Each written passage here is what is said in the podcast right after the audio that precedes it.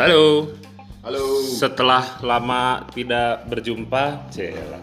Sekarang kita berjumpa lagi di Bela- baru belajar podcast. Hari ini gue ngobrol sama teman-teman dari Mopoto Studio yang katanya nanti mau bikin podcast juga di seru kita bakal sering banyak ngobrol. Karena kita panas dengerin Adit bikin podcast, harus ikutan juga nih gitu loh. Juga. Nih, Dan lagi ngetren juga kan podcast. Ya ya ya semua orang bikin podcast dengan harapan bisa cari duit dari situ ya. ya ngarep aja dulu nggak apa-apa nggak apa-apa kalau. Nih eh, mau foto kenalan dulu dong. Nih ada siapa aja nih? Halo, gue Yuda, eh, gue ownernya Mopoto. Dan gue Eca, ya gue sebagai salah satu fotografer fashion di Mopoto. Dan Mopoto tuh by the way adalah eh, studio fotografi untuk foto produk UMKM. UMKM. UMKM. Harus harus UMKM aja atau? Harus UMKM aja karena kita target marketnya UMKM. Hmm, oh menarik sih. Karena kita mau membantu UMKM supaya punya konten visual digital yang kompetitif. Hmm, Kayak jadi mereka bisa punya foto yang kualitas perusahaan besar. wow. Salah satunya. Ha, ha, ha. Contohnya. Oh menarik sih. Jadi jadi nggak kelihatan kayak foto yang biasa-biasa aja gitu ya. Iya. Benar, dan, benar. dan foto sebenarnya kan subjektif ya. Hmm. Tapi yang penting fotonya itu benar-benar bisa merepresenta- merepresentasikan produknya, Hmm, harus divisualisasikan seperti apa, sesuai dengan uh, brandnya seperti apa, Hmm, kayak gitu sih sebenarnya. Ini mau foto udah berapa lama nih jalan? 2 November 2 November. Sekarang 10 berarti seminggu lah ya. Satu minggu. mantap. Officially-nya 2 November tapi udah di, di, di diomonginnya, digodoknya itu ya pas pandemi. Pas pandemi ini ya. Iya. Oh, berarti sebetulnya pandemi ini banyak membawa berkah untuk kita Bawa ya. berkah, amin. Intinya sih nyari keran, nyari keran baru. Iya ya benar benar benar. Karena kan kalau kata Warren Buffett don't put your egg in one basket ya. Anjay. Anjay, Warren Buffett. Gokil. Kenal ih gua. si kenal Warren Buffett. Terus kalau Eca, lu kan tadi eh, fashion apa? Apa tadi kok? Fashion photographer. Sebentar, sebentar. Ini Eca tuh sebenarnya ownernya juga. Oh, Eca dia- owner. Dia humble juga. Ini kita partneran adik kakak. Oh kalian adik kakak? Ya, kita oh, adik kakak. oke. Kita kita ya udah nih Eca ternyata suka fotografi juga ya udah gue ajakin ya Hmm. kita partneran. Walaupun adik kakak kita fair. Ah. Ada deal-dealan juga. Hmm, Persentase-nya udah diomongin dari awal. Nah, cuman Eca selalu ngomonginnya gue fashion photographer kayak gitu. Oh, uh, anda cukup humble ya. Iya, humble anaknya. Masih bocah. Masih bocah humble. Si muda saya ini di antara kalian. Umur lo berapa, Ca? Sebutin. Umur gue cuma 21. Kalangan generasi 91 nih semuanya nih. Kelilingin. disebut, Pak. Kita kita semua masih 20-an lah. Ya bentar lagi 30. Aduh, kan bahas umur kan. Tahun depan nih dia kita dia. Tahun depan kita 30 ya. Iya. Masuk dekade baru ini. Udah punya keluarga. Alhamdulillah, alhamdulillah. Udah jelas kan ngarahnya gitu, cari nafkah untuk keluarga. Kamu mau punya keluarga enggak? Iya. Kok diem sih? Kok langsung diam ya? Perut saya langsung ini loh. Ya, nggak apa-apa jawab, jawab dalam hati aja dulu. Ini ini gue mau nanya ini aja fashion photographer. Nah, Eh, Apa itu fashion photographer tuh?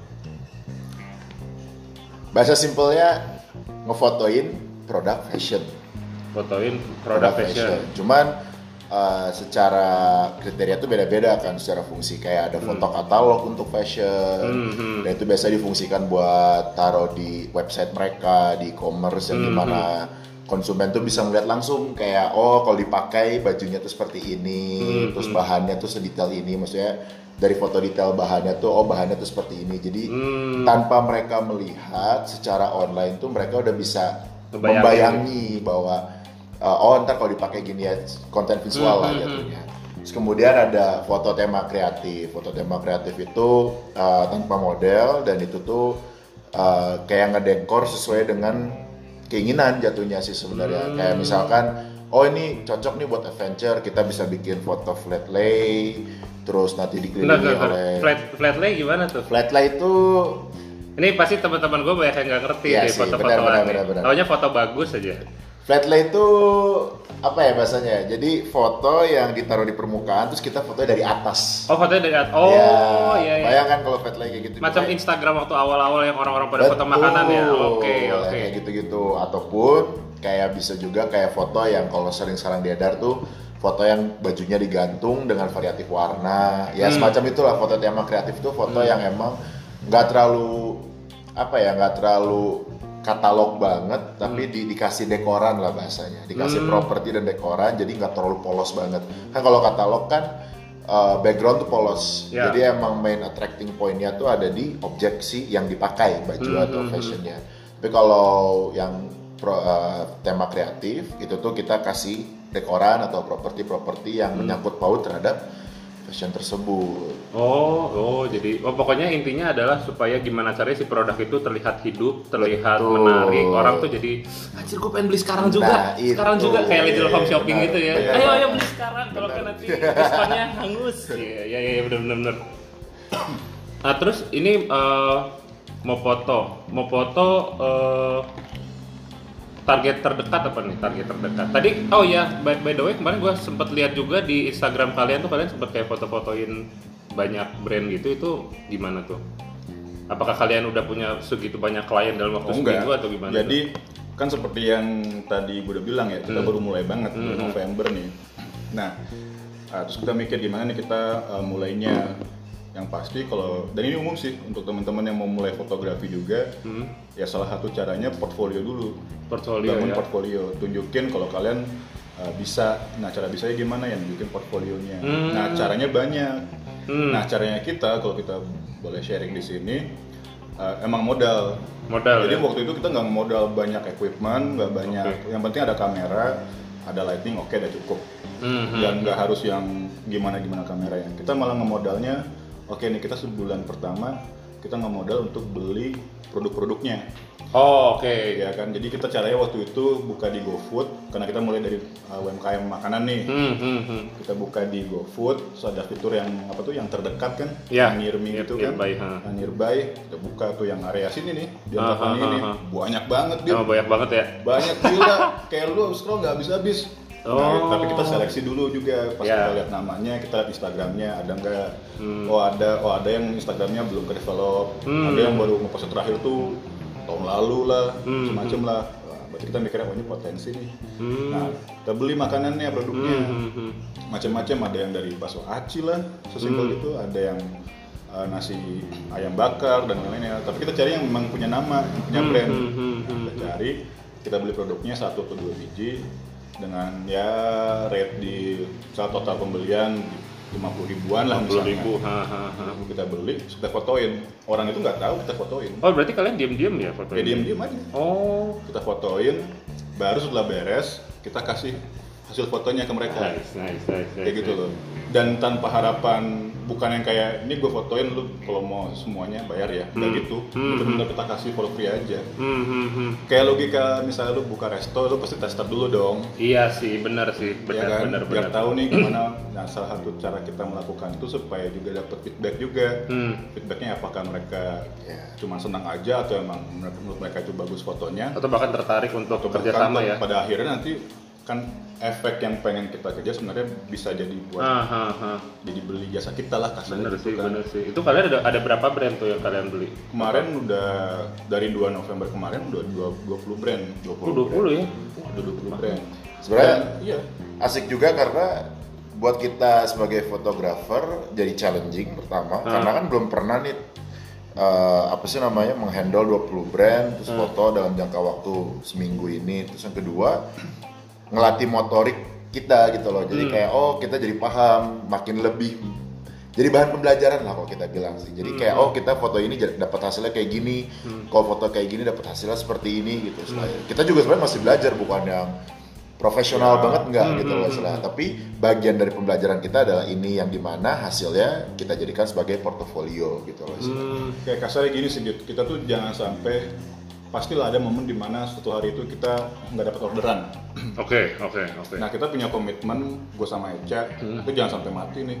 Udah kita harus tetap foto, ya udah kita beli produknya aja kita fotoin. Hmm, hmm, hmm. kayak gitu ya kembali lagi supaya produktif supaya terus apa namanya jangan sampai pas kosong tuh kita nggak ngapa-ngapain Iya sih, benar sih. ya nggak sih Benar-benar. jadi kita emang harus gerak terus harus komitmen harus kerja keras project nggak ada project tetap jalanin nah syukurnya selama kita udah mulai kayak gitu Uh, dan kita belum ngejar sales ya kayak Hmm, langsung direct selling atau itu tuh, belum belum ngejalanin cuman sekedar ngepost aja buat karena ya hasil foto tadi itu kita jadiin konten di Instagram kita malah dapet nyangkut Iya, iya, beberapa iya, iya.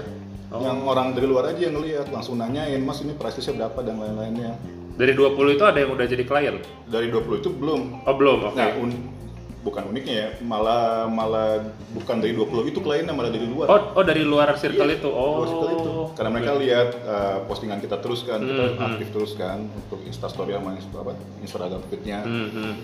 Nah, kan mata kita ada yang kita minta basis 5 dapat.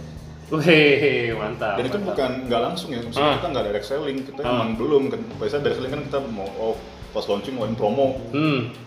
belum dit. Kita emang rencana tiga bulan ini masih kayak gitu. Oh tiga bulan ya kalian Tiga ya? bulan justru ini.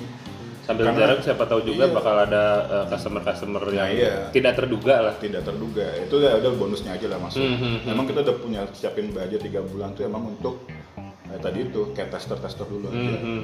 Oh berarti kalian bakar duit ya? bakar duitnya di situ tapi lebih lebih lebih worth it bakar duitnya Iya. Ya, karena, Karena- kalian punya tujuannya kan? Iya, karena kita mempelajari juga jadi untuk ngedata juga ya kan tadi 20 tuh udah data kan walaupun baru 20 Hmm. tapi gua ngerti oh ini brandnya baru mulai misalnya atau ini sebenarnya udah lama tapi dia nggak nggak punya stuck untuk ngedevelop sosial medianya Iya, misalnya ah, karena ah. dia bingung harus fotonya kayak gimana dan lain-lain Oh. dan lain-lain itu banyak banget dan banyaknya juga yang pemilik owner-owner itu sebenarnya kayak kayak ibu-ibu Oh iya. Ya, Oh, oh oke. ibu-ibu yang yang bisnis rumahan gitu Ah, loh Home kitchen gitu ya? Kayak home Iya. kitchen gitu Oke, oke. Kayak jual either bakery lah Ah. atau makanan ringan lah Jajanan pasar, jajanan pasar lah ada yang risoles lah ada yang brownies kukus lah ada klepon lah. iya Ini ini kalau ini eh, bolu pisang ini oh, ini mah udah sukses ini Bu Wita itu ya? Kita udah sukses nah, kita emang dari dulu suka aja kita Wita. kan udah lama tinggal di daerah sini kan deket sini Iya sih, bener sih. Bu Wita disponsorin ya nih kita Bu Wita kirim satu lusin bolu pisang. belum pisang Bu Wita terkenal di Antapani Terus kalian foto foto aja atau kalian bisa ngehandle untuk eh, kayak marketing strateginya untuk si brand itu? Ya, jadi dari awalnya kenapa foto? Karena kita berdua pertama emang passionnya di fotografi. Foto, ya. Nah, Itu itu kenapa lah, kenapa? itu basicnya lah ya. ya, kayak kenapa yang dijual juga foto. Hmm, hmm, hmm.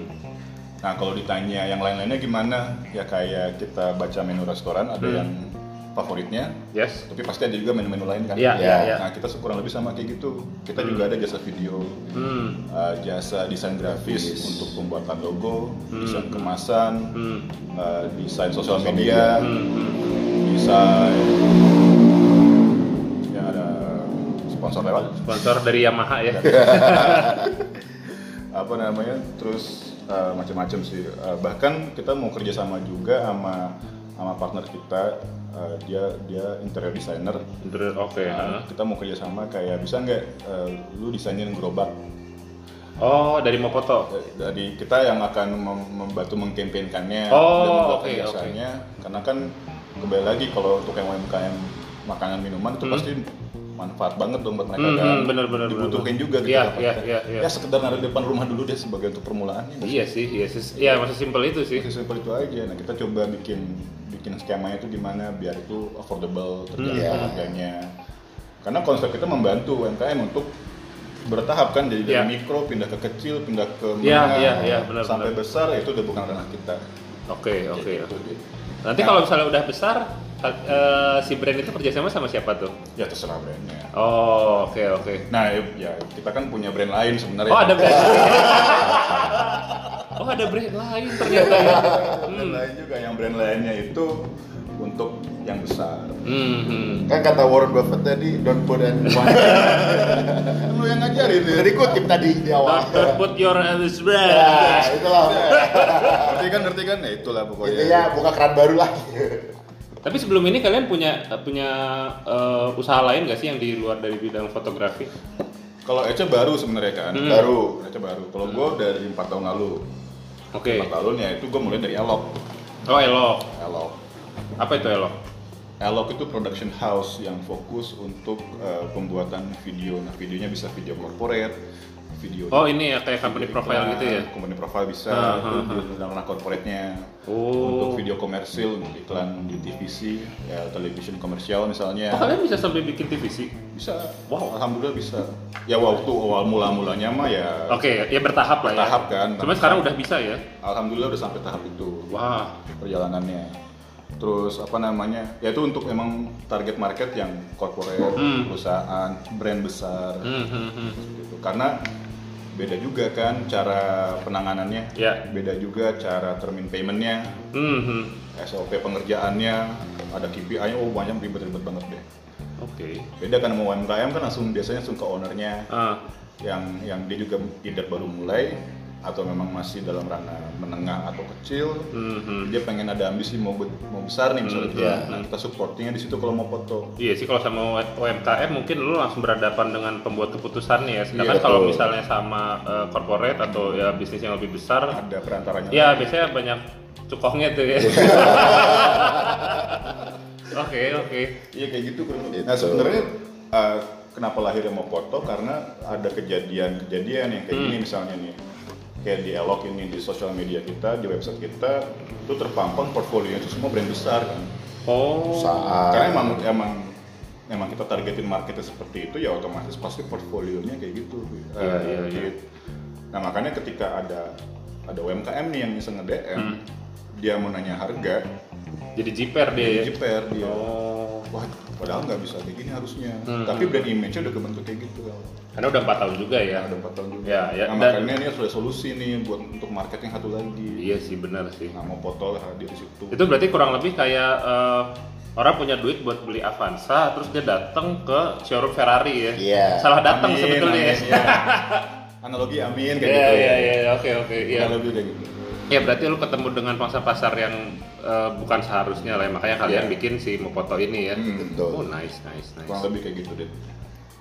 Nah lebih tapi kalau pengalaman lu nih Ya. eh, lebih rese kerja sama corporate atau sama UMKM sih? Hmm.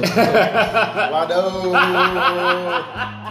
Nah, tapi tapi ini curhatan semua anak-anak PH, Ah. anak-anak agensi biasanya ya, Oke. yang yang apa namanya yang satu frekuensi lah sama kita Hmm, pasti hmm, kerja dengan brand besar pasti ada aja keluhan-keluhannya, Ada aja keluhannya, ada ya. aja masalah-masalah tipikal anak-anak agensi atau anak PH itu masih nggak jauh-jauh dari masalah itu gitu loh. Ah, ah, ah. Macem. Tapi nggak semua rese. Ya. Nggak semua rese. Nggak semua Biasanya resenya kayak apa sih?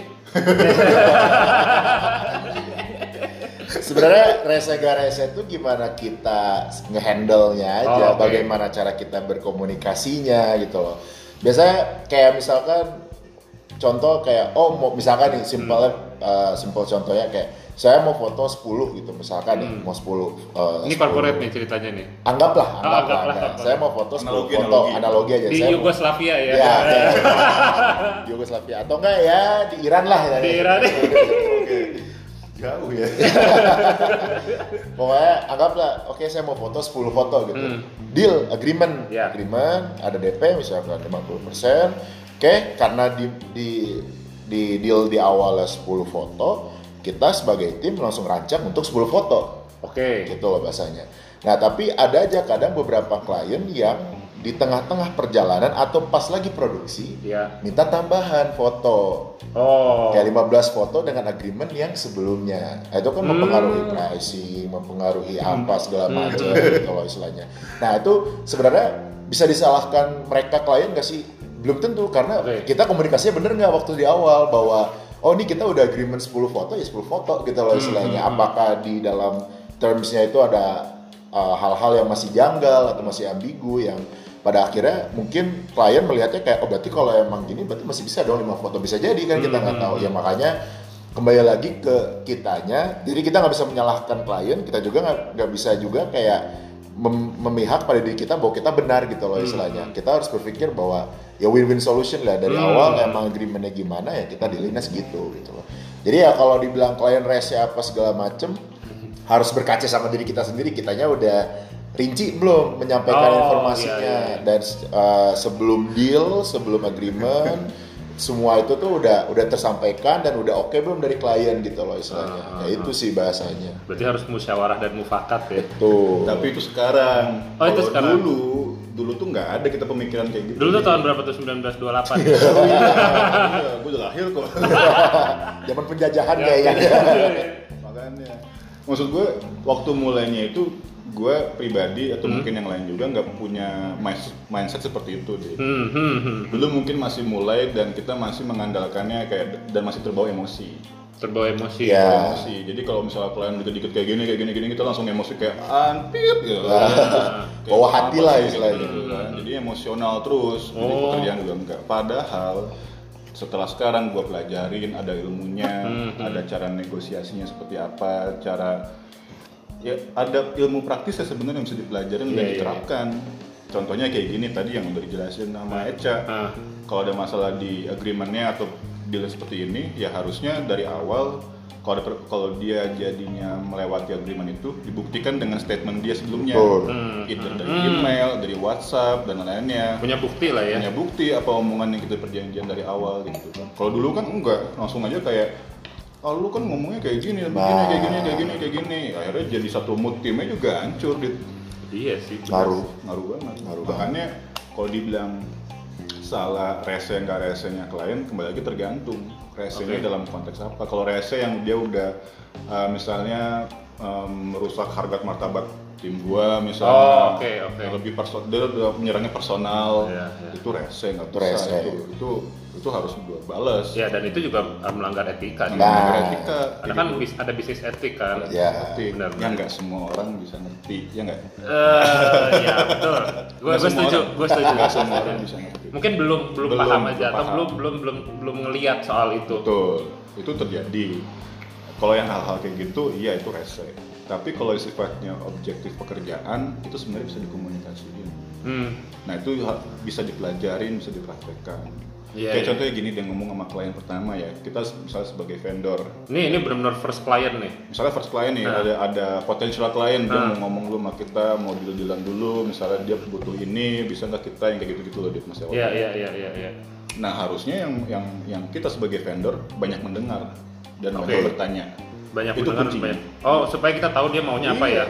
Itu kita harus ngerti banget klien Hmm. kita tuh sebenarnya mau apa, ekspektasinya apa, goalsnya apa, kenapa mau Hmm, bikin kayak hmm, gitu. hmm. Itu kita 5W harus- 1H. 5W1H Iya, ya. Itu benar-benar kita harus ngerti dulu. Biar kita ngerti kliennya juga seperti apa. Dari per- perbincangan juga udah udah bisa kebayang karakter kliennya seperti apa. Ah, ah, ah. kayak gitu. Nah makanya kalau kita banyak justru ngomong dan ngasih ide duluan dan Hmm. lain-lainnya, Ini apa pitchingnya kayak udah overconfidence Iya gitu. udah Benar. confidence, udah itu kan udah pede banget. Ini kita Ah. bisa ini, bisa ini, bisa ini, bisa Ah. ini tanpa menanyakan dia butuhnya apa. Iya, iya, iya. Ya klien jadi makin bingung. Iya iya iya. iya. Kayak gitu. Makanya di tengah-tengah perjalanan baru tuh kekuak semuanya kebutuhannya ya kita juga jadi capek sendiri gitu loh istilahnya. Dan, dan ya kenapa nggak dari awal aja ya Ah. negosiasi, eh, ya negosiasi itu di- dilakukan gitu. Iya. Iya sih bener sih. Gue juga gue juga eh, pengalaman gue kalau first client gue juga Hmm. merasa rugi malah. Oke. Gue ngerasa rugi karena eh, ternyata kalau kalau lu mungkin nggak tahu bukan nggak tahu eh, nggak nggak spesifik gitu ya tahu Hmm. kemauan si kliennya apa. Kalau gue tahu nih kemauannya apa, Hmm. tapi gue kebanyakan iya iya aja dulu. Nah. karena gue ngerasa first client, jadi itu Iya, sangat iya, iya. precious banget gitu loh Iya, buat gue. iya. Kayak takut kehilangan Ah, kliennya. Gue iya. iyain aja dulu Iya, semuanya oke. Dan gue juga pengen tahu di lapangannya apa. Jadi gue rugi secara eh, apa namanya secara nominal tapi yang gue dapat pengalamannya. Dan Iya. menurut gue itu di, di, di, di luar dari rugi itu itu kebayar lah menurut Iya, gue iya. si pengalaman. pengalaman itu. Iya, apalagi bisa pengalaman juga. teknis di lapangan ya itu menurut gue sangat sangat penting sih. Apalagi kalau di bisnis F&B gue Iya, itu penting banget itu penting banget. Ya mungkin di kalian juga sama pentingnya tapi beda beda ranah lah ya nggak Iya. apple to apple lah. Hmm. Gitu. Jadi nggak salah juga kalau emang seperti itu karena pada akhirnya yang membuat kesimpulan kita jadi pembelajaran kayak oh kitanya juga harus mendengar dulu, Iya. kitanya harus mengerti klien juga based on 4 tahun experience-nya ini gitu loh istilahnya jatuhnya. 4 tahun ya 4 tahun 4 tahun lu baru 4 tahun. Lu ngerasa sebentar atau lama tuh 4 tahun? cepet banget deh. Iya, iya. banget sumpah. itu dari gue SMA loh itu.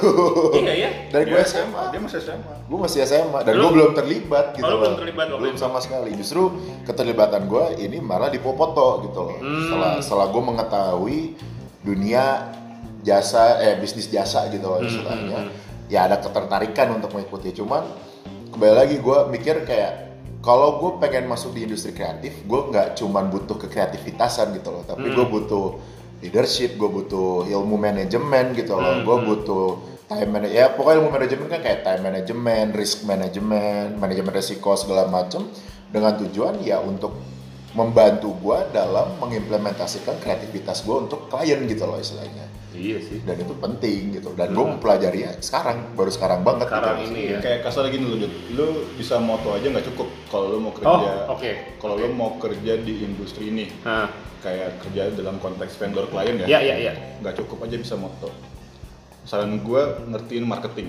ya Ngerti marketing. Misalnya lu fotografer nih, Iya iya. lu ngerti basic marketing. Ah, Kalau kita ngomongin marketing luas banget sebenarnya kan. banget sih. Tapi at least dalam lu udah belajarin segmentation, targeting, dan positioning, Hmm, hmm, lu bisa menanyakan itu ke klien kan. hmm, hmm. Eh, emang segmen pasarnya apa sih? apa? Eh, Kak atau targetnya siapa sih? Home gitu ya. Om, ya, Om Adit. ya kan? Dari situ aja itu bisa jadi bahan dia untuk memvisualisasikannya nanti dalam media apa pun, mau itu video atau apa namanya foto. Kalau video deh misalnya, uh, kita tahu dia brandnya ini membutuhkan video yang nontonnya anak muda.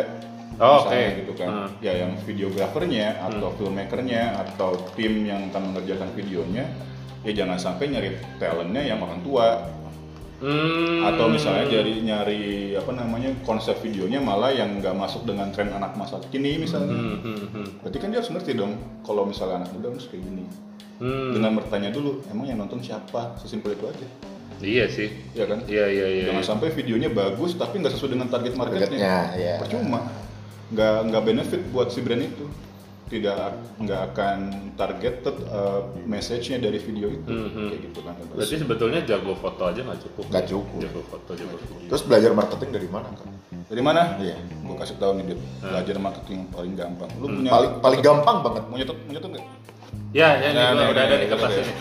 Iya. Tuh, kedengeran kan suara pensil gitu. gue kasih tahu nih Dit.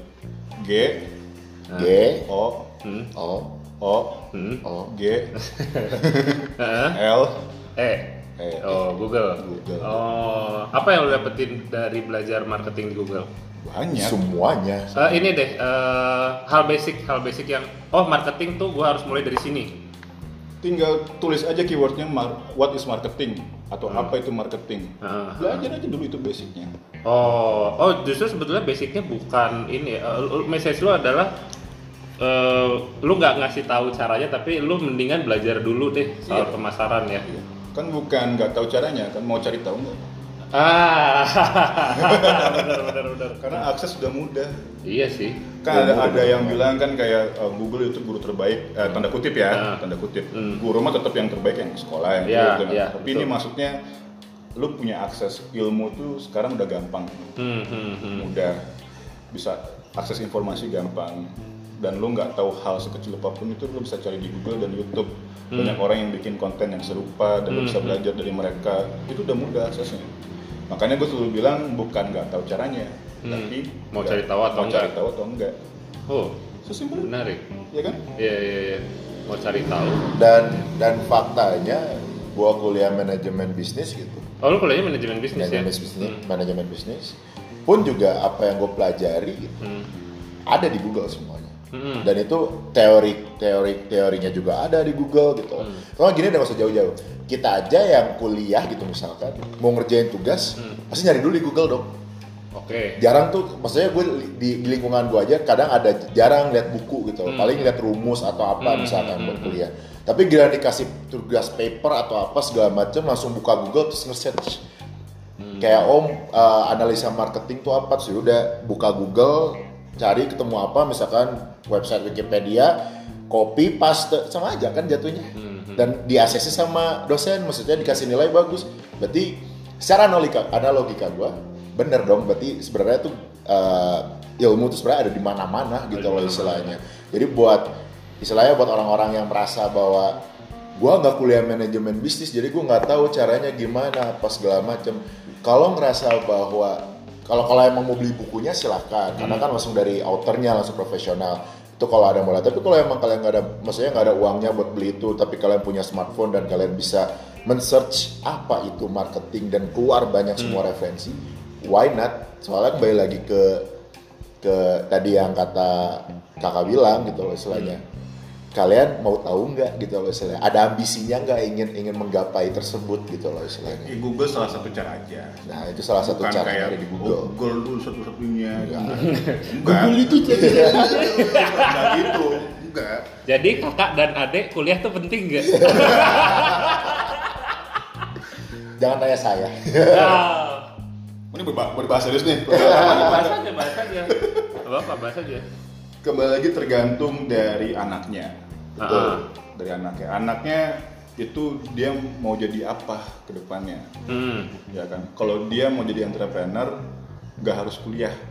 oke. nggak harus ya berarti berarti boleh kuliah Ya, tapi ya. nggak harus kuliah juga kalau mau ah, jadi entrepreneur tapi kalau dia misalnya mau jadi kerja di korporat di di korporasi yang Hmm. besar Hmm, hmm, dan lain-lainnya iya jalur itu memang yang benar Iya iya. Karena dia butuh butuh eh, sertifikasi ya. sertifikasi butuh kredibilitas Hmm, butuh hmm, bukti butuh sertifikatnya dan Hmm. lain-lainnya kan makanya lu kuliah yang benar dapat IP bagus Iya. syukur-syukur bisa dapat pengalaman pas magang dan Iya. lain-lainnya di tempat-tempat gede lu keluar lu bisa kerja dan karirnya udah mulai di situ kalau entrepreneur ya bisa kuliah dulu untuk dapat ilmu manajemennya bisa Hmm. boleh juga. Nggak nggak salah juga. Tapi ada juga orang yang mungkin nggak mampu misalnya kan Hmm, hmm, untuk bayar dan untuk untuk membiayakan itu misalnya. Hmm.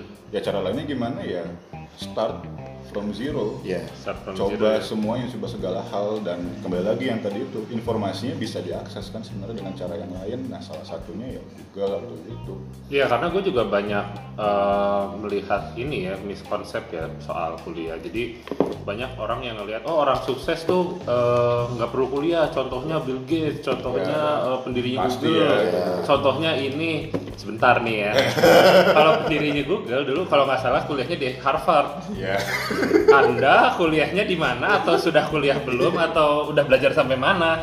iya iya iya. Gitu kan. Soalnya ya yang gua tahu juga pendirinya Google itu kenapa dia drop out? Karena dia ngerasa kalau misalnya dia terusin si Google itu dia akan jadi milik kampus. Ya. Sedangkan Oh, iya, dia iya, "Ah, ini nggak benar. ini nggak beneficial Iya, buat gue. Hmm. dia udah bisnis udah punya bisnis mindset di situ ya mending dia keluar dan dia kembangin si Google itu. Ya. Ya, sekarang jadi raksasa kan. Alphabet company itu. Alphabet. gila anjir.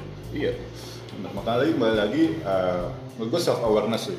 Self awareness self ya. Awareness ya. Lu lu ngerti diri lu dulu lu maunya ke mana lu maunya ngapain dan Hmm.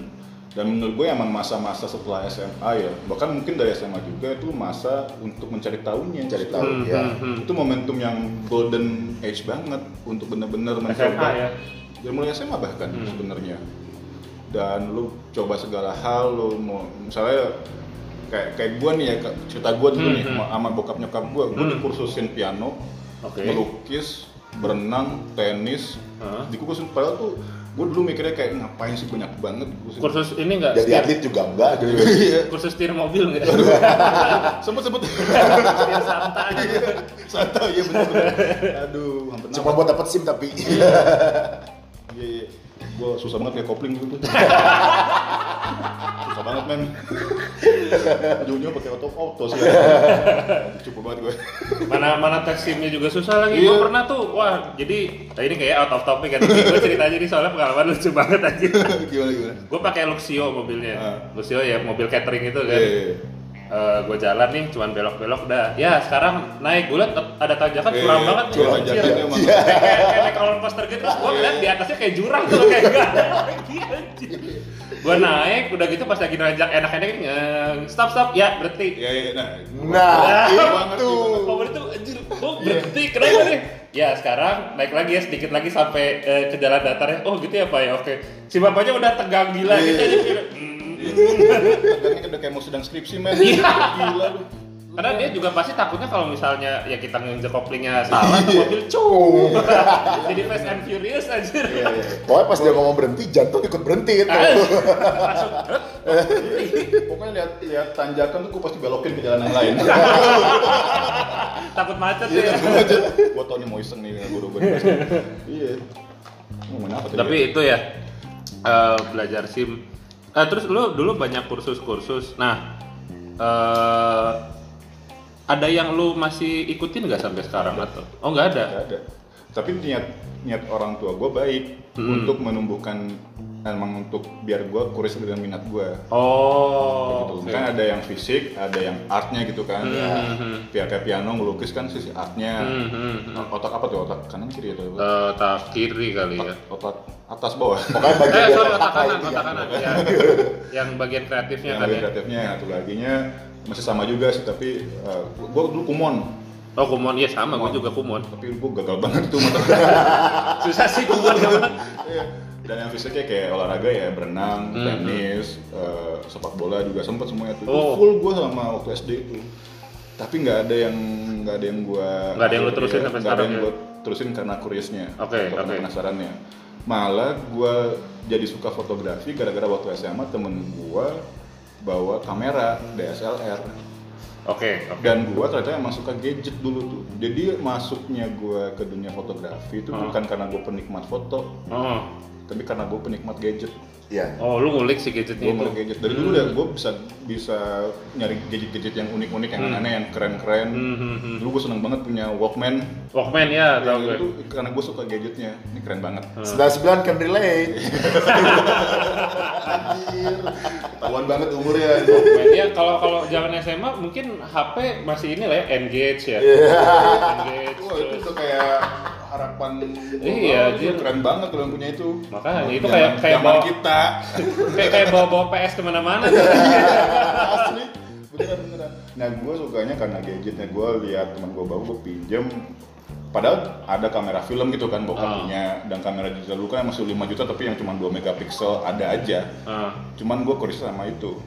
Sama DSLR ini gue ngulik dan gue langsung pulang-pulang kayak be pokoknya gue harus punya kamera ini gue pengen gitu kan dan tipikal bokap gue yang nabung setengahnya dulu Hmm. baru gue effort nabung dan dapat kamera pertama nah sejak itu gue nggak bisa berhenti moto Oh, oke. Jadi Momentum adiktif. itu jadi adiktif gue kayak Ah. ke, ke, ke, ke sekolah bawa kamera pulangnya gue cabut ke mana dulu foto-foto Hunting ya? hunting ya bahasanya hunting gitu terus lu kayak gitu semenjak itu nah di situlah di mana momen di mana gue bener-bener enjoy banget Oke, oke. karena gue nggak waktu itu gue nggak punya tanda kutip pressure kalau dilihat orang gimana hasil fotonya Ngerti gua, ngerti gua. Ah, Maksud gua kan bayang gua, emang bayang. buat full fulfill Ya. fulfillment diri sendiri Iya, karena lu melakukan ini, men. Lu melakukan eh, eksperimen. Hmm. Dan biasanya eksperimen itu kan hasilnya kita nggak punya patokan berhasil atau enggak ya. Iya. Kita biasanya eksperimen karena belajar. Betul. Karena kita pengen tahu, oh kalau gini tuh hasilnya, oh ternyata bagus. Iya. Oh ternyata kalau gini hasilnya, oh ternyata kurang. Iya. Dan kamera itu kan saking maksudnya kompleksnya juga kan apa pun settingannya dan dia menghasilkan outputnya kan. Hmm, nah hmm, di situ gue makin suka. Oh mau hasil gambar yang kayak gini, settingannya harus begini. Hmm. Kalau mau yang gini, oh ternyata lensanya juga harus yang kayak gini. Hmm, hmm, hmm, hmm, hmm. Itu banyak banget uh, probabilitas perubahan settingan-settingannya itu untuk menghasilkan. Iya, lu jadi mix and match juga kan. Misalnya juga, makanya di fotografi secara teknis itu nggak ada ilmu yang exactnya harus kayak gitu, bisa Benar. dengan cara apa pun Benar, benar, benar. kayak gitu kan. Ah. Di situlah makanya gue ngulik suka. Nah semenjak itulah fotografi. Berarti lo udah mulai belajar soal ngulik DSLR Iya. itu berarti dari 2000 berapa 2007 lah ya dulu. 2007-an. Berarti udah 13 tahun ya. Nggak aneh kalau misalnya sekarang eh lu lu memulai bisnis ini sebetulnya kalau lu mulai kan 4 tahun yang lalu berarti 2016 itu pun lu mulai 9 tahun setelah lu Iya. belajar kamera kan. Iya. Bener Kurang sih. gitu. Bener sih kalau gua kalau gua termasuk yang rada sotoy gua mulai bisnis tadi saya ini. Gua cuman belajar mungkin setahun doang kali. Setahun dan itu pun gue oh lucunya nih ya kalau gua dulu eh sunny side eh suka kopi. Gue tuh nggak suka kopi, gue nggak tahu bahkan kopi enak tuh kayak gimana. Iya, waktu iya, itu. iya. Terus akhirnya sampai Ini, satu ini ketika- waktu kuliah nih masih kuliah. waktu masih kuliah waktu masih S1 nah terus gue main lah ke tempat teman gue gue nganggap itu kafe biasa aja Nah, iya, iya. sekedar kafe kan terus udah gitu gue pesen nih yang gue tau oh cappuccino nih gue pernah denger nih cappuccino gue pernah denger cappuccino yang disobek soalnya terus akhirnya gue pesen kan eh, terus dia nanya dit lo mau pakai gula nggak Nah, Hah? Pakai gula? Oh, ini kopinya pakai kopi beneran ya? Anjir, gue sepolos itu nanya terus dia akhirnya oh ya udah ntar gue bikinin. Terus gue dia, pas dia bikinin, eh dit cobain dulu. Ah. Lu jangan pakai gula dulu. Lu rasain kopinya gimana? Pahit dong. Coba dulu aja, bacot lu. gue cobain. Oh ternyata nggak pahit-pahit banget. Nah dari situ gue mulai penasaran itu kok bisa kopi nggak pahit. sampai akhirnya dari situ gue eh, apa namanya cappuccino terus gue nyobain ini nyobain sampai akhirnya gue nyobain espresso dan gue menemukan espresso ada rasa coklat itu aneh banget Oh. itu dari situ gue makin kok bisa gini Iya iya iya. gitu nah di state awal tuh akhirnya gue juga kenal istilah ini istilah pendekar jadi istilah pendekar itu buat orang-orang yang baru belajar kopi terus dia kalau ke coffee shop tuh sok ngerti kopi Hmm. Padahal dia tuh sebenarnya nggak tahu apa-apa gitu. Bukan nggak tahu Oh, sih. iya, iya, eh, apa namanya knowledge itu masih cetek banget gitu. Iya, iya, iya, Cuman udah, mas saya pengen eh, kopinya begini begini nih grind size nya gini, beatsnya pakai ini. Gue pengen balikin, lu mending buka kedai sendiri. Tapi kan yang namanya customer ya, kita Iya, harus iya. kita harus dengerin lah. Lucunya di sini, nah dari situlah akhirnya Oh. gue belajar. Dan ternyata eh, di luar dari gue suka kopi, ternyata gue memang suka eh, bersosialisasi, gue suka bersosialisasi, gue suka eh, managing, managing itu ternyata buat gue tuh hal yang menarik gitu, karena Hmm. eh, hari ini mungkin lo melakukan eh, A gitu, misalnya kayak oh gue harus atur eh, tempat gue harus gini gini gini gini, besok eh, lu pikir, eh gue pikir eh, yang gue lakukan kemarin tuh udah bener, oh ternyata gue harus ada modifikasi nih Ya. sedikit nih, jadi gue terus belajar nah dari situ. Ternyata gue suka uh, managingnya di luar dari gue juga suka kopinya. Jadi sampai Iya, sekarang sih gue kalau untuk kopi gue udah nggak rewel lah. Kalau misalnya bahkan gue kalau dikasih kopi gak enak gue masih bisa bilang itu kopinya enak. Karena gue tahu gue bisa bedain kopi yang uh, rasanya otentik sama yang kopi ah, ini asal banget bikinnya Ah. gitu jadi kadang-kadang gue juga kadang iri gue seringnya kalau ke tempat temen gue yang baru dan dia biasanya buat gue tanya lu belajar kopi dari kapan bilanglah dia baru setengah bulannya eh setengah tahun yang lalu gitu berarti kan baru enam bulan tuh Iya. gue pasti bilang enak karena gue nggak mau ngejatuhin eh, Ya, ya, semangatnya. semangatnya dia Semangatnya, ya. karena ada teman gue men yang eh, si teman gue nih baru bikin, baru bikin kedai terus dia langsung komennya oh kopi lu kurang gini gini. Gini nah dia jadi Dan- anxiety gitu loh kan kasihan Oh. juga. Gue sih cuman sekedar nggak ingin Iya, menjatuhkan. tapi kalau memang enak gue bilang enak. Kalau kurang enak Ah. gue bilang oh ini enak bro. Lu pakai beat siapa biasanya gue gue cari tahu sampai eh, dia dia dia dia ngasih tahu. Gue kayaknya salahnya ini Dit. bener gak sih? Ini dia yang tahu sendiri. dia dia yang dia yang bilangnya tuh Dia bukan gue yang ngasih tahu salahnya. Iya, iya, iya. kalau gue biasanya gitu Itu pas berarti pas masa-masa kuliah semester terakhir tuh. semester akhir semester akhir Padahal kuliah lu jurusan elektro kalau saya elektro tapi saya jadi tukang kopi penasaran, Dit. hmm. Lu elektronik. Gue Hmm. boleh tau nggak lu kenapa mengambil elektro? oh oke jadi sebetulnya kalau kalau kuliah itu gue memang dari awal pengennya manajemen Oke. Aw- dari awal terus eh, keluarga gua ini eh, memang bokap tuh teknik fisika dulu ibu Oh. gua farmasi nggak ada lah yang ilmu sosial tuh nggak ada Iya, iya, iya. ya eh, gua ngobrol-ngobrol dulu kan pak bu ini enaknya gimana gini gini, gini. mas kayaknya pengen manajemen deh Oh. terus bokap gua bilang kamu mending jangan manajemen dulu tapi kan gua nggak ngerti ya pada saat itu ya kenapa bokap gua saya bilang kamu cobain eh, ambil dulu teknik nanti kamu bakal ngerasain teknik tuh begini begini begini Oh. Nanti manajemen tuh biasanya eh, ada ada ada bersatu dengan si teknik itu si apa ya si cara pembelajarannya.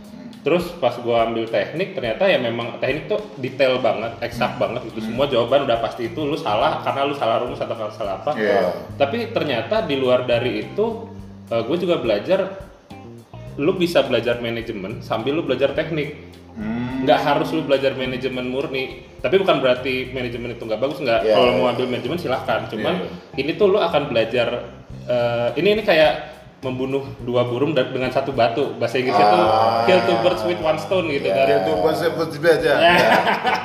nah kayak gitu jadi karena lu harus harus mengatur ketika lu menemukan eh, apa namanya rumus apa Ah. jawabannya seperti apa itu tuh harus mengatur juga eh, apakah rumus ini benar apakah variabel yang ini benar apakah angkanya benar atau enggak. Nah itu sebetulnya ada part of managing juga yang lu Iya. nggak sadar. Nah biasanya tuh kebanyakan yang gue lihat teman-teman gue yang eh, into engineering banget itu nggak ngelihat hal itu. Kalau gue justru ngelihat hal itu dan di mana akhirnya gue jadi gue gue tetap eh, apa namanya tetap ngikutin si pembelajaran tekniknya tapi yang gue ngerasain malah ini kayaknya gue lebih suka managing. Oh. gitu karena gue juga seringnya dulu kalau misalnya di kelompok gue emang jarang ngerjain. Hmm. tapi teman-teman gue nggak ada yang angkat bicara ini harus gimana? Nah gue yang mulai tuh. Oh. jadi gue kelihatan kayak kerja kan? Padahal gue nggak kerjain apa-apa. Iya, iya, iya. kayak gitu ternyata itu itu lebih lebih menarik. Oke, Oke, berarti awalnya disaranin sama orang tua Hmm. masuk elektro dan lu terjun lah di situ. Iya, Masuk. dengan dengan dengan dengan kepolosan gue ya, ya udahlah ikutin aja dulu. Gue Iya, juga merasa iya. oh kayaknya bapak Iya, gue gini, iya, gini. iya. Padahal pas gue jalanin sampai sekarang gue baru oh ternyata Nah, gitu. gue penasaran nih Dit ya. Ah. Ini mungkin juga pendengar atau siapa pun yang maksudnya yang denger juga mungkin ada bisa dilihat juga lah, bisa dilihat juga ya. Waktu lo udah lulus nih Ya. elektro, itu dan lo memutuskan bikin coffee shop Ah. dari orang tua tuh gimana pandangannya? Nah, sebetulnya gue karena karena sorry karena kan nggak relate kan mungkin Iya, iya, iya. kalau elektro harus kerja di mana Yes, yes, di yes. BUMN atau Hmm. pemerintahan atau korporat Pabrik. apa pabrik atau apa nggak tahu nih gue juga iya, iya. jalur karirnya gimana ya kalau Iya. elektro ya Ah, tapi ini kan ngejomplang banget nih Hmm. di coffee shop eh, entrepreneur maksudnya Sama being coffee engineer ya. kan, oh, dari engineer Hmm. itu pandangan orang tua gimana Kalau gue waktu itu sebetulnya eh, waktu di tengah-tengah gue kuliah, gue tuh sempat minta izin, Pak, Bu, boleh nggak Mas eh, cobain part time? hmm. Gue mau, gue bilang gitu. Di mana pada saat itu gue mikir kalau lo mau part time tuh kalau nggak McD, KFC atau ke Starbucks gitu. oh, jadi apa pun ya sebetulnya apa pun, Apanya apa pun. Ah. Cuman gue nggak nggak tahu tuh kalau misalnya gue tuh bisa part time di cafe atau gimana. Hmm. Bokap gue langsung, udah nanti aja, kamu belajar aja dulu. Itu kan elektro susah gini gini. gini." Nyokap gue, Oh. nyokap gue apalagi karena nyokap gue dosen, jadi akademisi banget. Oh. Udahlah kamu belajar aja dulu mas, Iya, gini, iya. gini. Tanpa gue paham gitu kan. Sampai akhirnya ya gue curi-curi waktu.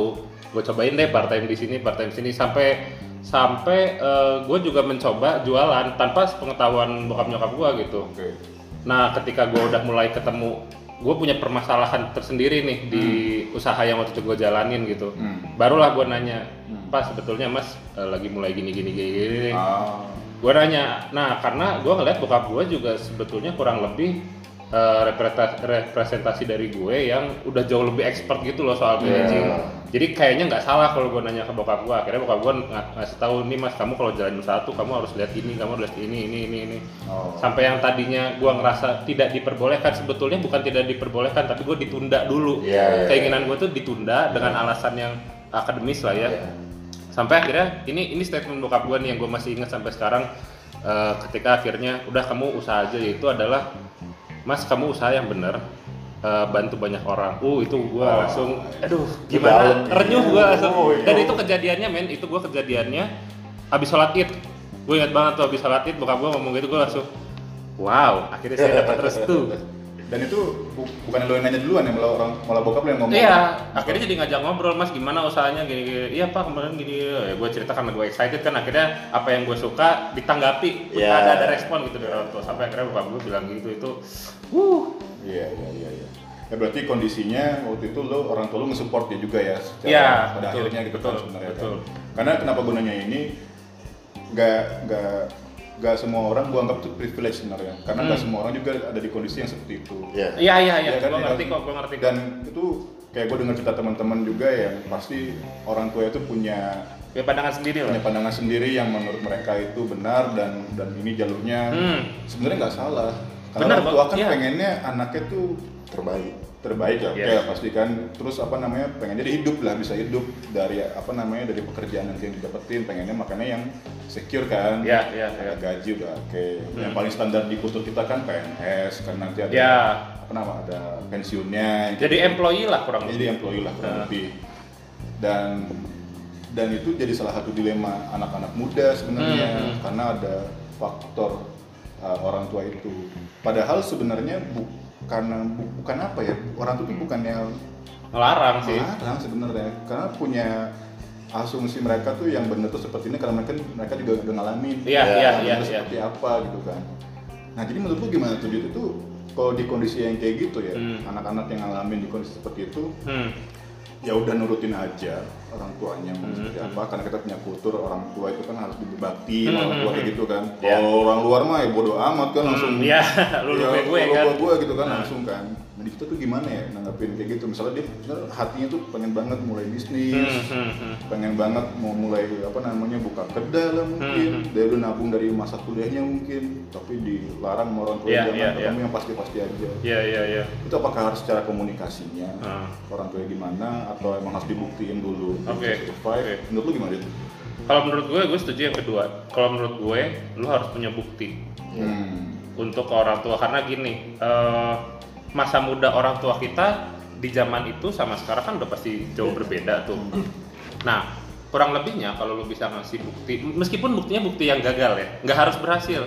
Karena menurut gua eh, nggak ada lah keberhasilan yang instan gitu. Iya. Meskipun itu eh, bukti yang gagal, lu juga harus bisa yakinkan bahwa gua tuh bisa di di di bidang yang gua mau jalanin ini. Oh. Karena karena sebetulnya di luar dari orang tua lu eh, apa ya ngasih pandangan yang lain, itu karena orang tua lu tuh ragu akan kemampuan lu doang. Ya. Kalau menurut gue itu setuju. itu kalau gue ngerasanya orang tua lu tuh nggak yakin kalau lu mampu karena orang tua kita mau kita udah segede apa masih dilihatnya kayak ya little child Iya, aja iya, gitu. iya. dan dan lu harus bisa ngasih ya itu itu juga text time sih. Lu harus bisa ngasih keyakinan itu ke orang tua karena ketika lu bisa eh, memberikan itu lu kurang lebih masuk di frekuensi yang sama dengan orang dewasa. Ah, karena kita tuh masih dianggap childish kan? Iya, iya, pas kita bisa oh si anak gue nih udah punya statement gini berarti kurang lebih dia udah mau beranjak dewasa tuh udah dewasa gitu. Hmm. Iya. gitu jadi memang bukti terus uh, dilihat progres juga apakah lu uh, omdo atau enggak gitu Iya, itu iya, juga iya. itu juga penting sih Iya, iya. Oke, teman-teman yang mau bisnis punya kasus kayak gitu, dengar kata Bapak Warren, Warren Adit. Jangan berbisnis doang deh, yang yang menyimpang Ya, lah. apa pun apa pun Yang berbeda, yang berbeda. Iya. bahkan bahkan ini gue juga suka ngobrol gitu karena kan beberapa teman-teman gue juga ada yang kerja di perusahaan bahkan ada yang di perusahaan elit gitu Eh, yang gue bedain adalah ketika skala usahanya besar itu dia eh, kurang lebih mengajarkan ini mengajarkan entrepreneurship dalam bentuk yang lain Hmm. Jadi lu misal lu tetap aja employee gitu ya. Mau lu jabatan sampai apa lu kan pasti punya bos gitu Iya, ya. iya, bentuknya entah lu punya pemegang saham, entah lu punya apakah kalau BUMN lu punya pemerintah gitu. Iya. Tapi si perusahaan besar ini menanamkan bahwa lu tuh di sini punya value. Lu di sini punya value, eh, lu bisa melakukan ini, ayo kita make change gitu. Oh. Itu yang kadang-kadang gua ngelihat dari teman-teman gua yang eh, merasa aduh kok gua kerja gini-gini aja ya. Nah, kadang-kadang suka gua tanya lagi tuh, lu kerja buat apa emangnya? Iya, iya. iya. kalau lu kerja cuman buat duit mending lu eh, ini deh pikir dua kali deh Iya. karena lu harus punya tujuan yang lain karena kalau nggak gitu lu nggak nggak nggak jadi enjoy Iya, iya. karena enjoyment excitement itu didapatkan bukan dari uang meskipun uang kita pasti perlu lah ya itu mah bullshit lah kalau ngomong Iya, iya. nggak nggak perlu uang Itu tapi pasti lah, Pak. pasti tapi maksud gua lu cari hal yang lebih di luar dari daripada uang gitu Hmm. Iya, iya. Baik itu. Ya, ya ini gue juga nggak apa ya. Gue juga nggak nggak 100% benar, mungkin bisa aja gue salah, tapi kurang lebih yang gue yang gue pahamin sih itu. Kalau lu lu pada punya pendapat lain itu oke lah. Netizen Iya, iya, iya. always be netizen kok. Dan dan pada akhirnya gimana Dit? Lu tadi cerita Hmm. ah, dari kuliah elektro sekarang bisnis dan punya coffee shop gitu Ah. ya. Nggak nggak sejalur lah bahasanya Iya, kan, iya, kayak iya, kasarnya iya, gitu iya. kan ya. Gue dulu pengennya jadi arsitek. Oh, lu pengennya jadi arsitek malah? pengen cita-cita gue dulu pengen jadi arsitek karena gue dari kecil ya tadi tuh karena jelasin gambar Hmm. sama dan mainan gue sama bokap gue dikasihnya Lego Hmm. dan dikasih Lego itu kan kayak uh, uh, bukan value visinya Lego kan uh, lo ada Lego nih lo Hmm. si anak itu berimajinasi aja mau bikin apa aja Oh, terserah iya. gue selalu bikin rumah Oh, lu selalu bikin rumah di Lego itu. Lego itu itu dari kecil banget Hmm, hmm. Nah ini adalah salah satu cara mengulik uh, lu sukanya apa. Sebenarnya flashback lagi ke masa kecil tuh enjoynya ngapain sih sebenarnya? Iya. Bisa juga, bisa juga. salah satu bisa caranya juga. kan butuh ngulik kesukaan nah anyway gue suka itu dan akhirnya waktu masa-masa SMA akhirnya gue mau jadi arsitek Bener, bener. Oke. Kurang lebih gue cerita yang sama, ternyata gue itu dari kecil itu gue suka taking charge of responsibility. Jadi ketika ketika semua orang diem, itu gue biasanya tuh jadi jadi orang yang udah sini sama gue aja. Meskipun gue juga nggak tahu tuh. Pak. Tapi at least ada penggeraknya dulu. Nah gue tuh Iya. suka di karena gue juga beberapa kali waktu SD SMP tuh gue jadi ketua kelas karena eh, ya gue pikir nggak ada orang lain yang mau yang pick up gitu. ya. Heeh. Ya. Bah- bahkan gue waktu ini lucu juga sih gue pas S2 semester 1 Hmm. itu gue masih jadi ketua kelas men padahal ya Allah udah S2 gue pikir ya ya udah lah ya kita udah tua gitu tapi ternyata gue di S2 karena gue kelas reguler bukan kelas eh, eksekutif jadi bukan aduh gimana ya kok eksekutif kayaknya gimana gitu Ya, bukan kelas kelas karyawan bukan ya, kelas ya. karyawan nah kebanyakan tuh masih dari S1 langsung ke S2 ada ada beberapa yang belum punya pengalaman kerja. Hmm. terus gue lihat oh ini gini ya kondisinya oke. Dan gue gua gue coba cari tahu tuh orang-orang yang tua di situ tuh siapa aja. Ternyata nggak banyak. Kebanyakan orang-orang yang karena yang tua di eksekutif Mm-mm. karyawan. Kebanyakan keba- kebanyakan tuh orang-orang yang masih mencari jati diri dalam tanda kutip akhirnya. Oh. ya udahlah gue cobain aja Tau gue, gue yakin kok gue nanti pasti satu saat disalahin. Mungkin gue bener. Itu juga kalau bener, menurut gue sih itu nggak sengaja. Tapi kalau salah, itu adalah salah gue. Gue selalu kayak gitu. ya ya ya Gitu. Kalau kalau salah gue nggak pernah blaming others. Gue mencoba sebisa mungkin. Iya. Tapi kalau bener, ya itu karena lu gitu, bukan karena gue. Iya. Gue ngerasanya gitu. iya iya iya. iya gue pengen jadi arsitek dulu dit Seru kan? pengen jadi arsitek gue apply. Unpar Oh lu sempet sempet gue apply? apply nya tuh justru arsitek dulu Oh oke. Unpar ITB ITENAS nah oh iya ya ITB ada ya? ITB ada Ada arsiteknya. intinya nggak keterima semua Ah, nah yang keterimanya tuh gue di Unpar opsi kedua di Unpar. Ah. IT Oh nice, nice, nice. as simple as gue suka dulu main game dan gue asumsinya kayak gue bisa Gadget lah, gadget. ya, gadget juga Ah. gitu gitu kan ya berbau komputer lah yang gitu gitu ternyata enggak gitu Tidak tidak seperti Jadi dulu 9 gue masuk IT pada akhirnya Hmm, hmm. dan ternyata di di pengerja apa ketika di kurikulumnya belajar mata kuliahnya ada aljabar algoritma yang al al al, al. Dan Si programming dan, ya? iya dan gue eh, semua IP juga di bawah dua satu komaan Hmm. udah dua semester gue merasa kayak sebenarnya gue bisa fight Hmm. kalau gue mau effort tapi misalnya gue nggak suka ternyata Oh lu nggak suka bukan, ya? bukan karena nggak ada kesukaannya itu. Aha. dan gue tau nah itu di situ gue lagi galau bener-bener anjir gue tuh sebenarnya suka arsitek tapi kenapa gue di sini? Gue masih betul pengen banget arsitek gitu kan. Akhirnya gue diem-diem ngambil USM lagi. Oh. dan setelah gue di Unpar kan gue baru tahu oh Unpar bagus arsiteknya ternyata ini. Gue USM lagi pas semester 3 itu ada pembukaan lagi gue apply opsi satunya arsitektur Hmm. yang keduanya gue cari yang beda yang sosial Hmm. ya udah HI HI ya. kagak keterima juga Nggak keterima juga Nggak keterima kan malah keterimanya HI Oh. hubungan internasional dan masuklah gue langsung beralih ke sosial Tapi itu HI lu suka atau enggak? HI karena bokap Oh oke. bokap apa namanya eh, diplomat Hmm. Menarik. jadi ya. ada ada sosok lah yang gue bisa bisa jadi panutan Hmm. Gue juga udah kebayang kultur pekerjaannya dan lain-lainnya Hmm. dan minta saran juga ke bokap waktu itu pada akhirnya Hmm. setelah keterima baru gue ngomong kayak mau pindah aja nih karena keterima Oh. jadi gue nggak bilang dulu Lu punya pattern yang kurang lebih mirip sama gue ya.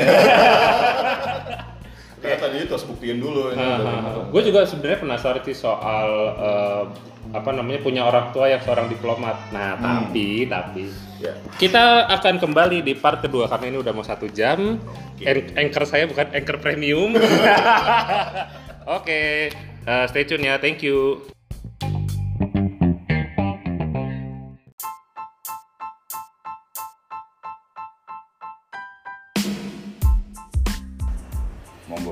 Halo, kembali lagi. Oke, sekarang ini harusnya lebih bagus sih soal pakai iPhone. Tadi pakai Samsung. Tadi kita sampai di obrolan kalau orang tuanya Yuda sama Eca itu eh, adalah seorang diplomat. Itu kerjanya ngapain sih? kerjaannya Hah? Waduh, aduh google aja ya mari kita sambut bapak kita berdua. Enggak sih apa namanya eh, ini penjelasan Singkat. bahasa biasanya aja ya ya intinya kan merepres- merepresentasikan Indonesia di Hmm. negara Di yang- negara lain. di negara lain Hmm. itu pengertian yang umumnya lah Basicnya gitu ya. Nah, nah kalau yang direpresentasikan apa aja banyak banyak banget Hmm. tinggal cari aja kita mau dalam hal hubungan politik hubungan Oh, ekonomi oke. Pertahanan. pertahanan lingkungan Nah, jadi ketika nah tempat kerja itu namanya KBRI Kedutaan Besar Republik Indonesia Hmm, nah itu tempat bekerjanya orang-orang diplomat atau orang-orang yang jadi jadi perwakilan Indonesia itu pasti di situ kerja. Hmm, hmm. Nah, jadi di dalam entitas KBRI itu ya banyak banget. Tergantung kan ada divisi-divisinya kan, ada Ya. sosio, Benar. ada social culture, ada Hmm. politik, Ekonomi. ada ekonomi, perdagangan, Hmm, hmm, hmm. macam-macam. Oh berarti sebetulnya jadi diplomat tuh pekerjaannya nggak nggak cuman diplomat ngapain? Berarti maksudnya ada, Ada spesifikasinya. ada spesifikasinya ya. Iya, kan, Oh. kan delegasi itu kan sebenarnya kan. Delegasi, ya. Diplomat itu delegasi dari kita Indonesia ya untuk kembali lagi tergantung diplomat itu punya perannya. Diplomat kan kan cuma title-nya aja. Hmm, Nah, dia bisa spesialisasi emang diplomatnya oh hubungan sosial culture misalnya budaya dan sosial. Oh, berarti ngomongin eh, kerjasama kebudayaan Uh, misalnya kita uh, apa namanya ngadain acara pentas seni nunjukin budaya Indonesia Iya, iya, gitu. iya. itu kalau yang social culture Kalau ekonomi beda lagi ekonomi ya. biasanya kan kaitannya perdagangan Hmm, jadi kan hmm. ekspor impornya gimana Hubungan bilateral ya. uh, Iya. memperkenalkan bawa-bawa UMKM UMKM yang bisa di produk bisa dijual di luar negeri politik nah politik itu lebih ribet biasanya Pasti. Pasti. pasti ya itu ya kayak gitulah kurang lebih Biasanya bagian-bagian kayak gitu tuh dilihat dari hubungan kerjasama negaranya. Nah, Oh, kalau Indonesia kerja sama sama Thailand dalam perdagangan, ya Ah. berarti banyak orang perdagangan juga nanti di sana gitu. Nanti ada Oh. hubungan kerjasama. Atau misalkan di di New York gitu kan, Hmm. di di Amerika ada hubungan kerjasama secara UN. Hmm, Di Indonesia tuh juga ada ada ada diplomatnya, diplomatnya Hmm. delegasi untuk UN misalkan. oh, PBB, PBB. PBB iya ya. Ya, Oke. yang kayak gitu-gitu. Jadi ya gimana hubungan kerjasama antara setiap negara? Nah, bokap lo ada di bidang apa? macam-macam Oh, Uh, selalu berganti-ganti ya, nggak bisa selalu satu. berganti-ganti. Oke. Intinya kalau awal-awal pasti dia masuk divisi apa dulu, Hmm. nanti udah makin naik jabatannya, naik jabatannya, Hmm, hmm, hmm. uh, ya biasanya di- ditentukan dengan uh, keahliannya Hmm, hmm. dan juga uh, uh, apa namanya hubungan baiknya dengan uh, pernah dengan negara apa, itu bisa disesuaikan. Pernah di Oh. socio culture juga. Oke. Uh, mungkin bokap gue misalnya nggak kuat di perdagangan ya, tapi nggak nggak akan dapat di divisi itu misalnya. Beda-beda sih. Hmm, hmm, hmm. Oh, berarti pekerjaan orang tua lo ini berat ya? Lumayan membawa nama bangsa, bro. Yo, ih, meng- mengharumkan. Bukan merepresentasikan perusahaan lagi jatuhnya. Iya, iya, negara. Iya. Makanya kalau dibilang kayak, oh jadi diplomat enak ya bisa keluar negeri, ya emang keluar negerinya enak. Ya, karena memang kerjanya di sana Iya, kan. cuman tanggung jawabnya juga banyak gitu loh ah, ah. Kayak contoh sekarang yang bokap gue di Malaysia. Ah. Nah, ya berarti karena di Malaysia isu dan permasalahannya banyaknya mengenai TKI, eh, bukan TKI istilahnya namanya apa sih? Eh, Apa tuh? istilahnya bukan TKI kan diganti namanya istilah TKI. TKA. Tenaga Bukan, bukan. kerja- Eh, kok TKA? Lupa anjir. Tenaga kerjaan lah. Ya pokoknya gitulah Tenaga pokoknya. kerjaan, ya. Tenaga, kerjaan. Eh, ya pasti banyak yang ngurusin itu. Hmm. Jadi setiap negara kan beda-beda ya. Hmm, hmm, hmm. Kayak Kayak ada yang penempatan di uh, daerah kawasan Arab misalnya, banyak Hmm. juga kan TKI-nya. Ya pasti banyak banget penanganannya untuk Sana ya. Termasuk juga kalau musim umroh, musim haji kalau di Arab ya itu kan bagian dari Mhm. diplomat tuh harus merepresentasikan orang Indonesia yang ikut ya, uh, ibadah haji dan umroh di sana gitu. Dan buat sebenarnya selain merepresentasikan juga ya untuk mengamankan warga Indonesia yang ada di situ. Iya. Apa pun itu Hmm. kasusnya. Melindungi kan, melindungi Iya, iya. warga yang selain selain merepresentasikan melindungi warga Ya negara. kan namanya wakil rakyat ya. Iya. Iya, iya, iya. iya. Ya. Lo kalian nggak ada yang pengen jadi diplomat? Pengen kan gua gagal. gua gagal. Emang seleksi apa seleksinya apa sih lu waktu Oh iya. Ya udah. Eh nggak apa-apa. Ya kita dengarkan azan bersama-sama ya. Terus ini azan bukan. Azan azan. Ntar lagi. Eh belum deh. Eh udah ya udah azan ya. Ya. Azan tuh jam berapa sih?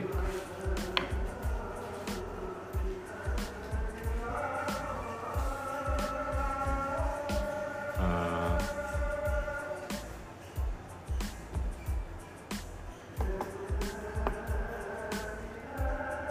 Oke, nggak apa-apa teman-teman. Ini terdengar seperti kurang profesional. Nah, sekarang saatnya kalian untuk tarik nafas dalam, hembuskan. Jadi kita meditasi bersama ya. Kurang oh iya benar-benar. Kurang lebih 10 menitan lah. Kurang lebih 10 menit. Kalian sabar saja. Atau kalau mau di lebih cepetin bisa. Ya, dicepetin 10 menit. Ah, ah. Di tap dua kali kalau di YouTube biasanya Iya. tuh.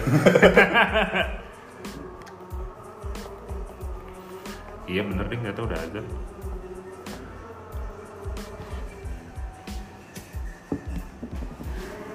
Mau dong, Kak. Hmm.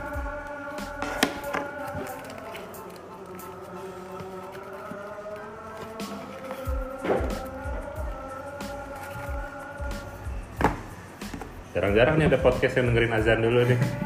Belum pernah denger gue. Padahal lu osnya gimana sih? ah? Gak apa-apa. Biar kelihatan natural kita.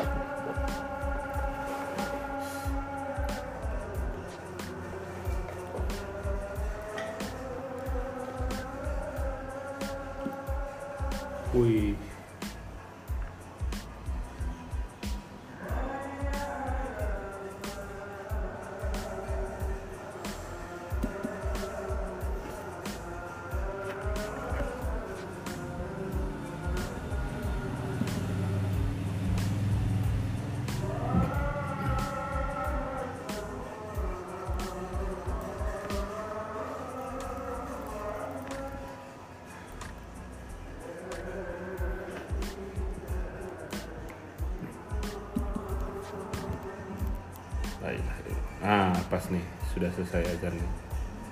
Itu lu waktu eh waktu apply untuk jadi diplomat itu kapan Hmm. tuh? Tahun 2014 akhir. 2014 akhir ya.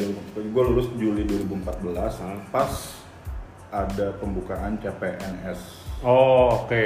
Jadi itu termasuk yang langka sebenarnya dulu tuh, Hmm. karena waktu itu uh, waktu Jokowi jadi presiden langsung banyak moratorium.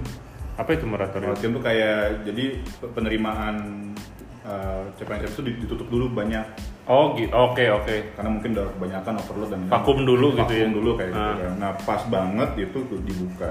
Nggak cuma Kementerian Luar Negeri aja, banyak yang lain juga. Hmm, sebenarnya. Ya udah gue apply. Nah itu prosesnya total tiga bulan. Tiga bulan ya. Tiga bulan dan tahapan itu kurang lebih ada tujuh tujuhan tujuhan lah. Oh, berarti bokap lu dulu juga mulainya dari PNS dulu dong? Atau gimana? Eh, bokap gua dulu justru karirnya mulainya dari akabri. Oh, dari TNI. Dulu kan akabri kan, Iya. namanya kan berubah pas eh, reformasi.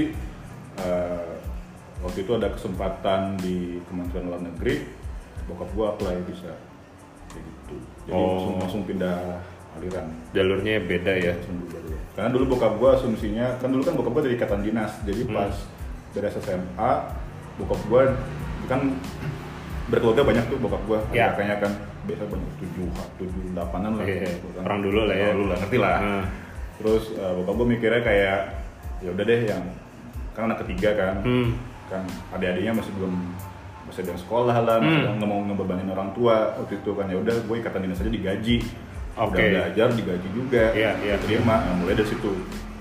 Nah pas ada kesempatan yang lain, bokap gue ngambil lagi, ngambilnya jalurnya yang jalur uh, ASN, Hmm. PNS itu. Iya, iya, ASN. itu. Iya. Gitu. Nah gua kemarin ya prosesnya dulu dengan asumsi, ya bokap gua di sini Ah. bisa kali ya kayak gitu kan Bisa dibantu. kali ya. Taunya bokap gua integritasnya tinggi banget. Hmm. kagak ada. Dititip-titipin gitu Hmm. nggak bisa. Dan gue jadi ngerti sih emang kenapanya gitu loh. Kalau bokap gua bilang kalau lu PNS sudah mulainya kayak gini lu gimana mau jadi orang yang berintegritas? Setuju. kayak gitu kan. Setuju. mulai dari sini dulu udah gitu kan. Akhirnya gue effort banget. Dia gue bener-bener belajar tiga bulan itu gue nggak apply yang lain-lain. Gue fokus itu dan gue udah sampai tahap akhir. Tahap tahap akhir. Hmm. di interview sama duta besar Wow.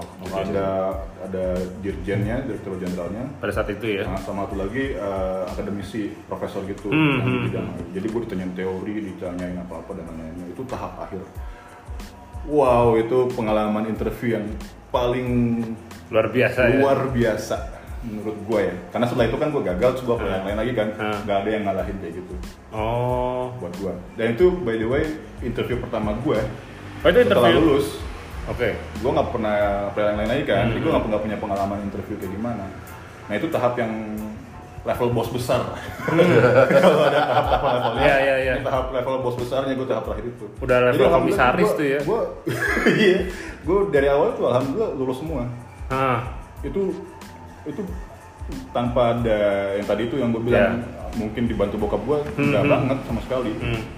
ternyata dan gue kayak dari mulai tes uh, keluarga negaraan itu kayak tes tes PKN lah Hmm, hmm, hmm. Pendidikan keluarga negaraan itu lolos terus ada yang substansi mengenai HI-nya teori-teorinya itu ada esai ada Iya, yang iya. lolos ada psikotesnya ada tes kesehatannya nanti ada interview sama psikolognya lagi itu semua bertahap step by stepnya Wow. dan itu sistem sistem gugur Oh. tes bahasa Inggris Gagal udah aja. Iya, bahasa Inggris juga gue itu lesnya kita di institusi LIA waktu itu. Iya, LIA tahu. Balik lagi itu langsung sistem gugur juga. Hmm. Sampai pada ujungnya tahap akhir gue keterima alhamdulillahnya sampai keterima ke masuk tahap berikutnya yang paling terakhir di interview itu nah itu Pengalaman apa yang menurut lo jadi ini kayak precious banget nih? intinya pokoknya setelah interview itu gue down banget pasti kan Ya, karena lo nggak apa ya kaget lah, kaget. punya ekspektasi Akhir yang lagi. Tapi akhirnya gue setelah lama banget gue mengakui oke emang gue bukan gue bersyukur gue ditolak Hmm. Karena kayak emang gue bukan nggak cocok bakal jadi diplomat juga Hmm. karena gue ingat satu momen waktu di interview Hmm. waktu itu gue ditanyain mengenai skripsi gue waktu di HI Oke. gue lancar jawabnya Ya, ya, ya. mengenai isu-isu internasional gue lancar semua Ah. teori gue lancar semua Hahaha. sampai ada si duta besar ini ngomong ke gue dengan pertanyaan yang menurut gue langsung gue bikin gue jiper dan gue nggak percaya diri Ah. untuk gue tuh awalnya komunikasinya lancar banget Iya, iya, iya. sampai pertanyaan itu yang membuat gue langsung stuck banget Hmm. Dia nanya gini kamu kuliah di Bandung ya iya berapa penduduk Bandung Hah? Hah? Iya kan? Oh, dia nanya gitu ya? Dia nanya gitu. Dan gue langsung nggak bisa jawab. Gue langsung diam, gue langsung merinding, langsung bukan merinding kayak keringet dingin. Iya, gitu. iya, iya, ya nervous lah. Langsung nervous, padahal awalnya gue smooth banget gitu. Hmm. Gue langsung nervous, ditanyain berapa penduduk Bandung. Padahal, nah yang gue suka dari interview itu akhirnya pas beres, gue bilang gue bilang nggak tahu itu kan. Iya. Gua bilang saya nggak tahu. Oh, lu jujur aja ya jawab ya? Saya nggak tahu pada nilai-nilainya, jalanannya. Tapi sebelum gue ngomong nggak tahu, gue kayak langsung stuck diem. Ada lima menit tanya, Hmm. diam banget gue Hmm, hmm, kayak hmm. langsung gagap langsung kaku gitu gitu singkat cerita pas beres interviewnya gue salaman "Eh, Yuda kamu bagus sebenarnya Hmm. kamu wawasan mengenai dunia internasional bla bla bla yang bagus tapi kamu udah merepresentasikan Indonesia kenapa kamu tidak tahu itu pertama. Ah. nah dia yang kedua. Yang keduanya pun kamu nggak tahu kamu harusnya bisa dengan cara lain menjawabnya. Oh, oh, ya, ya, ngerti, ngerti, ngerti. kayak gitu. Jadi apa namanya nah di situ pembelajarannya. Nah gua waktu itu akhirnya meyakini oke. Nah, berarti emang gua nggak diterimanya bukan karena gua nggak tahu penduduk Bandung berapa walaupun emang iya gua orang Indonesia gua lama di Bandung masa sih gua nggak tahu penduduk Hmm. berapa kan itu Hmm. yang yang apa namanya yang realistisnya emang iya bener gitu Hmm. gua harusnya tahu aja cuman bukan itu sebenarnya cara gua ngelesnya gimana sih Hmm, hmm, hmm. diplomat kan harus kayak gitu Iya, benar. how to say yes, uh, how to say no by saying yes. In other way ya. In other way, Iya, iya, iya. Kayak enak dan kurang enak. Iya. kurang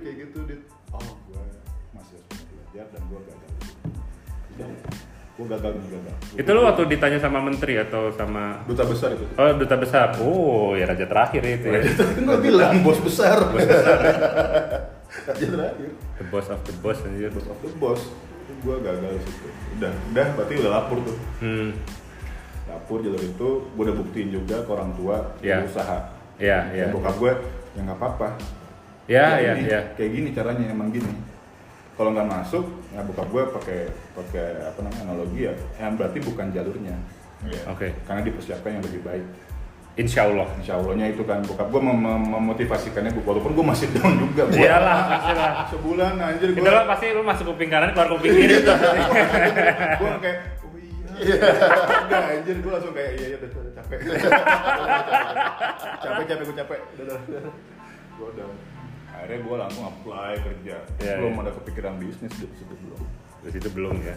Karena lo kuliah juga 2016 kan. Dan yang jadi jokes keluarga di situ adalah pas bokap ngomong yang wawancara itu adalah teman bokap. Ternyata teman bokap. Itu teman bokap, oh itu temennya papa tuh kata Ya, gua, ya. gua sebagai anak SMA kira kayak hmm, lucu juga ya emang di jokes ini. Dan lu nggak dibantuin sama sekali. nggak sama sekali. Iya gitu. Ya itulah dunia profesional ya teman-teman ya. Betul. Makanya teman-teman eh, yang apa namanya yang kayak eh, di bawah kita lah ya, Hmm. yang yang maksudnya mikirnya kayak Mi. mau jadi PNS, mau jadi PNS. Ya. Gue selalu bilang bagus, tapi mereka bilangnya kayak gue pengen mengubah, pengen mengubah Indonesia dengan menjadi PNS. Di jangan gitu dulu deh, yang belum besar besar. Hmm. Jadi PNS yang baik, Hmm, hmm, yes, yes. jadi PNS yang punya integritas. Mengubah itu bagus ya motivasinya, tapi kalau secara realistis yang mengubah lo harus jadi paling atas. Ya. Hmm, hmm. Itu itu yang gue pelajarin. Mengubah apa pun di Indonesia harus ada yang di paling atas. Siapa yang powernya, siapa yang paling powerful. Hmm. Tapi kalau lu mulai dari bawah, jadi PNS yang baik, yang jujur, yang berintegritas, Hmm. gue selalu nyaraninnya kayak gitu.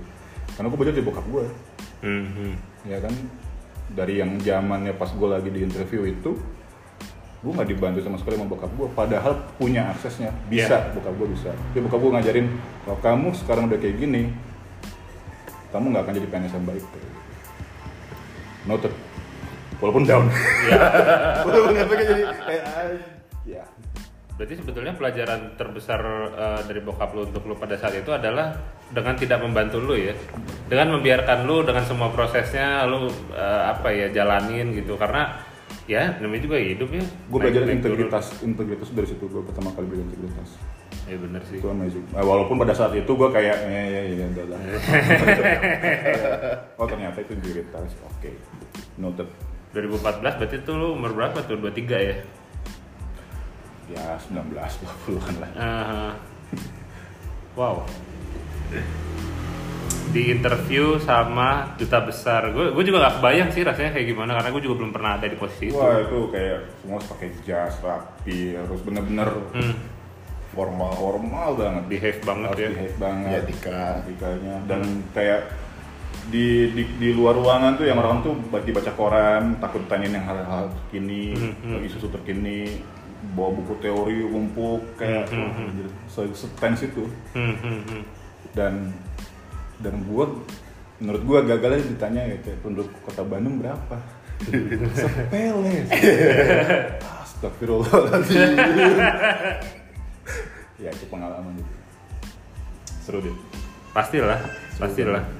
Kayak seru kayak pernah ngalamin itu Iya, iya, iya. Iya kan? Tapi memang biasanya pasti lu nggak akan ngerasain serunya itu di momen itu ya. Pasti Enggak, lu iya. ngerasain itu kayak mungkin setahun ke depan, Iya. bahkan atau dua tahun, atau bahkan ya enam tahun ke depan gitu lu Iya. baru oh iya ternyata ini tuh rasanya gini ya. betul Rasanya gagal. hmm. Buat lu tuh gagal tuh apa sih? buat gua tuh gagal Eh, buat kalian berdua lah, buat kalian ya berdua lah. saat ini buat gua gagal ya pembelajaran gua baru ngerti pemaknaan itu sekarang Hmm, hmm, hmm. kalau dulu enggak dulu tuh kegagalan adalah apa namanya sesuatu yang ditakutkan Hmm, hmm. sesuatu yang harus dihindarin Iya, iya. sesuatu yang harus di apa namanya benar-benar jadi apa ya bahasanya ya kayak sesuatu yang yang nggak boleh terjadi Gagal itu ya. ya kegagalan itu Kayak buruk banget gitu buruk kayaknya. banget nah sekarang gue baru benar-benar mengerti pemaknaan di bisnis yang orang suka nge-quote nge-quote di Instagram itu Ah. kayak kegagalan adalah pengalaman kegagalan adalah proses dari keberhasilan bla, baru ngerti pemaknaannya pemaknaannya sekarang Oke. Ya kata dulu bilang, lo baru ngerti setelah itu. Iya, iya, iya. Pas ngalaminnya mah kayak, eh, mana, anjir, gitu, emosional kan. Ah. Nah, bisa melihatnya setelah flashback belakang. Nah, terus kalau misalnya itu kan tadi gagal ya. Hmm. Eh, atau ini nih, kalau menurut lo Ca apa Ca? Gagal apa Ca? Kegagalan itu power sih, Power ya. power banget buat kayak fuel up lah bahasanya. Ah, ah, ah. Karena kalau di di gua ketika udah jadi gagal justru malah kayak greget kenapa gagal. Hmm. Padahal kan udah di planning, udah dirancang. gitu. Kok bisa gagal gitu? Kok ya? bisa gagal gitu Hmm. Kan itu dua ekspektasi kita ya. Benar juga jadi pembelajaran, tapi juga jadi power buat kayak oke ini nggak boleh gagal lagi gitu loh selanjutnya. Hmm, jadi lu punya antisipasi ya. Betul, cuman konotasinya bisa juga kayak bring mood down bisa. Jadi Hmm. kayak jadi kayak aduh apa ya kok kok nggak berhasil udah deh pindah Iya, jalur. iya, iya. Ada yang kayak gitu ya. Itu gimana kitanya sih. Tapi kalau buat gua kegagalan tuh power kayak kayak lagi diisi bensin terus udah mobil tuh bisa langsung maju lagi lebih pak jauh lagi gitu loh. Iya, iya, iya. Kayak gitu. Nah makanya kalau gue belajar dari gagal itu gue juga jadi tahu ini terms uh, stoic. Oh, Stoic stoic. itu uh, ketika lu bisa memaknai suatu kejadian tanpa membawa perasaan. Kalau yang gue tahu ya, ya, correct me if I'm wrong, tapi uh, yang bagusnya adalah ketika lu merasakan hal gagal. Nah kalau orang yang sudah sudah tahu stoik tuh dia jadi bisa gini. Itu salah satu contohnya itu Raditya Dika. Itu menurut gue dia representasi stoik yang uh, lu kalau mau lihat orang stoik kayak dia gitu. Jadi kayak misalnya ada problem satu hal, ya dia nggak akan mencampuri dengan perasaan, dia hanya melihat problem itu, terus ini problem solvingnya gimana. Sama Ya. lah kurang lebihnya kayak gagal ya gagal, gagal. Hmm. Pertanyaan selanjutnya adalah lu mau coba lagi atau enggak? Iya. Biasanya orang tuh eh, male- bukan males nggak mau untuk menjawab pertanyaan itu karena dia ngerasa kalau gue coba lagi nanti pasti gagal lagi jadi Ya. dia dia Ya. udah memikirkan future is bad gitu loh dan present Ya, padahal sebetulnya kan future itu gimana ya gak ada yang tahu. Iya, iya, iya. Gak ada yang tahu sama sekali gitu. Karena future itu ditentukan dari hari ini, dari kemarin, Betul. hari dua hari yang lalu dan seterus-terusnya. Betul. Gue jadi ngerasa kayaknya gue juga harus lebih banyak belajar lagi sih. Iya. Kayak Kayak masih cupu ternyata. iya iya iya. Masih kecil lah. Semakin kita tahu ini itu ternyata semakin kita tidak tahu apa-apa. Iya. Bener. Universe nih memang aneh lah. Ada caranya sendiri. Ada caranya sendiri-sendiri. Nah, tadi gagal kan. Lu kalau buat lu sukses tuh apa sih? Definisi sukses. Nah, atau lo oke gue udah sukses nih Menurut gua Pada saat apa? Menurut gua eh, pertama ya, menurut ini menurut pribadi ya, Hmm. kesuksesan itu eh, parameter orang-orang tuh beda-beda. Hmm. Itu pasti pertama. Karena eh, latar belakang dia ingin sukses itu juga beda-beda. iya iya iya ya kan? Jadi eh, kesuksesannya lu dit Hmm. kesuksesan gua belum tentu sama belum tentu sama. Hmm. gue bisa aja sukses dengan gue bilang sukses misalnya kayak oh yaudah yang yang penting gue udah punya dua coffee shop udah Hmm, cukup hmm, hmm, hmm. kayak gitu kan Hmm. itu menurut dia sukses atau menurut gue sukses adalah ketika anak istri gue bisa makan bisa hidup Hmm. bisa terpenuhi kebutuhannya dan lain-lainnya itu bisa Hmm. ada yang ambisius ada juga Hmm, ada yang punya uh, kesuksesan dengan parameter materi misalnya Hmm, hmm, harus hmm. punya A B C D E misalnya Hmm, gitu hmm, kan hmm. bisa bisa aja makanya nggak ada parameternya dan nggak ada time uh, deadline-nya menurut gue. Hmm, Ya. iya iya iya. kayak gitu. Karena ke ya makanya kayak kayak misalnya nih uh, tadi Elok udah udah bisa megang klien brand gede. Hmm. bisa dibilang sukses bisa aja. Tapi bu- bukan berarti ya udah selesai. Hmm, ya. hmm, hmm. begitu kan. Itu sukses untuk satu goalsnya aja misalnya. Uh, terus kalau mau di terus kapan dong kalau itu akan sukses? Hmm. Ya nggak nggak bisa di dikasih tahu gitu Iya harus iya iya. kapannya Benar. kayak Bener. karena mungkin pas dapat brand besar itu sukses besoknya nggak dapat brand besar lagi misalnya berarti gagal dong kesuksesan itu terputus dong berarti kan Hmm. Iya nggak sih? Makanya gue selalu selalu berani asumsi pendapat pribadi kesuksesan itu nggak ada parameter parameter pertama beda-beda. Hmm. Yang kedua nggak ada deadline-nya. Setuju, sepakat. Sepakat banget gue. Itu gue. Makanya kalau saya tanya lu udah sukses belum Yud? Ya udah kok gue sukses, gue Hmm. sukses alhamdulillah bisa bisa punya ini, punya itu, punya ini. Hmm. Tapi bukan berarti udah selesai. Ya, Hmm. gue sukses Ya, punya ya. parameternya gue sendiri gitu Ya kan. ya ya ya ya. gitu loh tapi udah beres enggak karena orang benda kalau gue tangkep ya orang ketika nasihat sukses itu punya sesuatu yang mau dicapai misalnya nih, dia udah tercapai pertanyaan gue abis itu apa Hmm.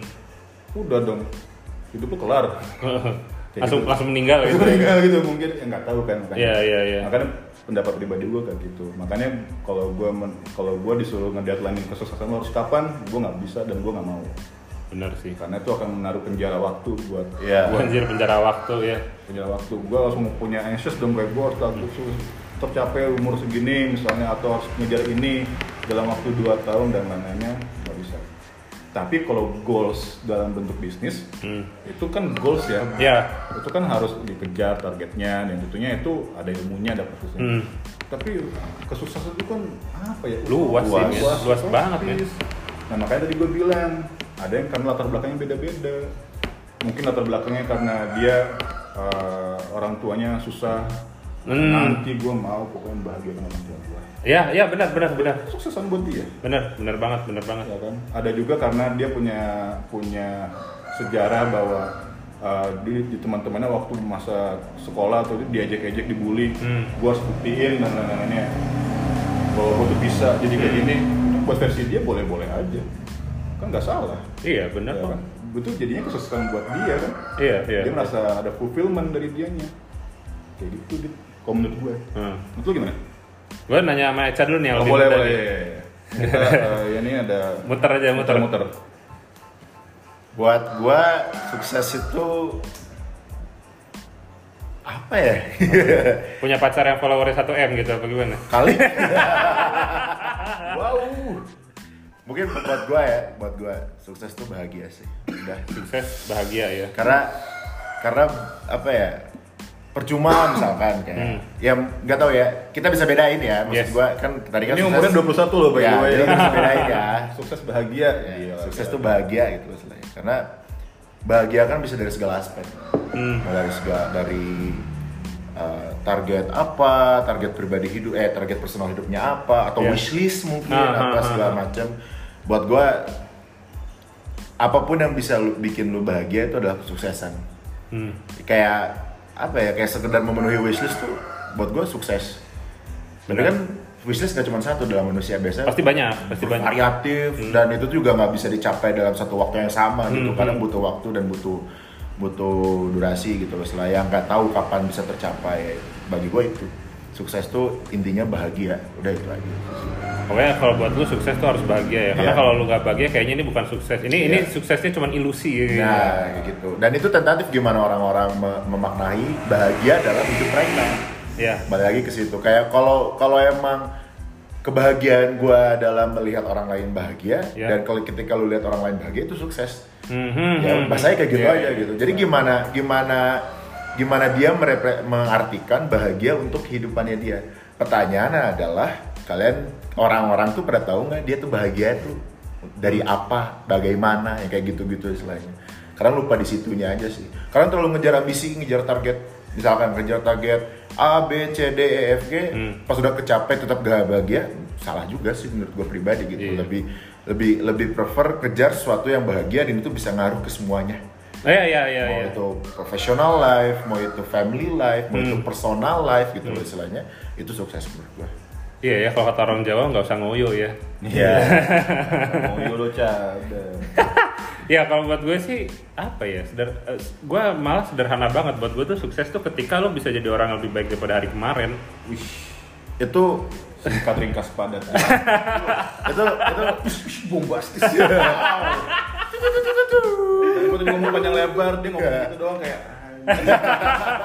apaan nih? Dan dan gue ngerasa kayak gue apa ya itu malah jadi sesuatu yang bisa gue nikmatin banget karena gue hari ke hari tuh gue nggak pernah merasa gue lebih baik daripada hari sebelumnya gitu. iya sih Jadi gue tuh selalu punya, gue tuh selalu gini, gue tuh selalu kayak main game yang gue tuh selalu punya level lagi di depannya. Iya. Jadi hari ini gue udah kelar, besok tuh ada lagi, besok ada lagi, Iya, besok ada lagi, besok ada lagi. Jadi menurut gue eh, excitementnya jadi jadi jadi ber- jadi multiplikasi gitu, jadi compounding effect yang di mana mungkin satu hari lu bosen, Hmm. mungkin satu hari lu jenuh, itu wajar lah, itu manusia lah. Iya.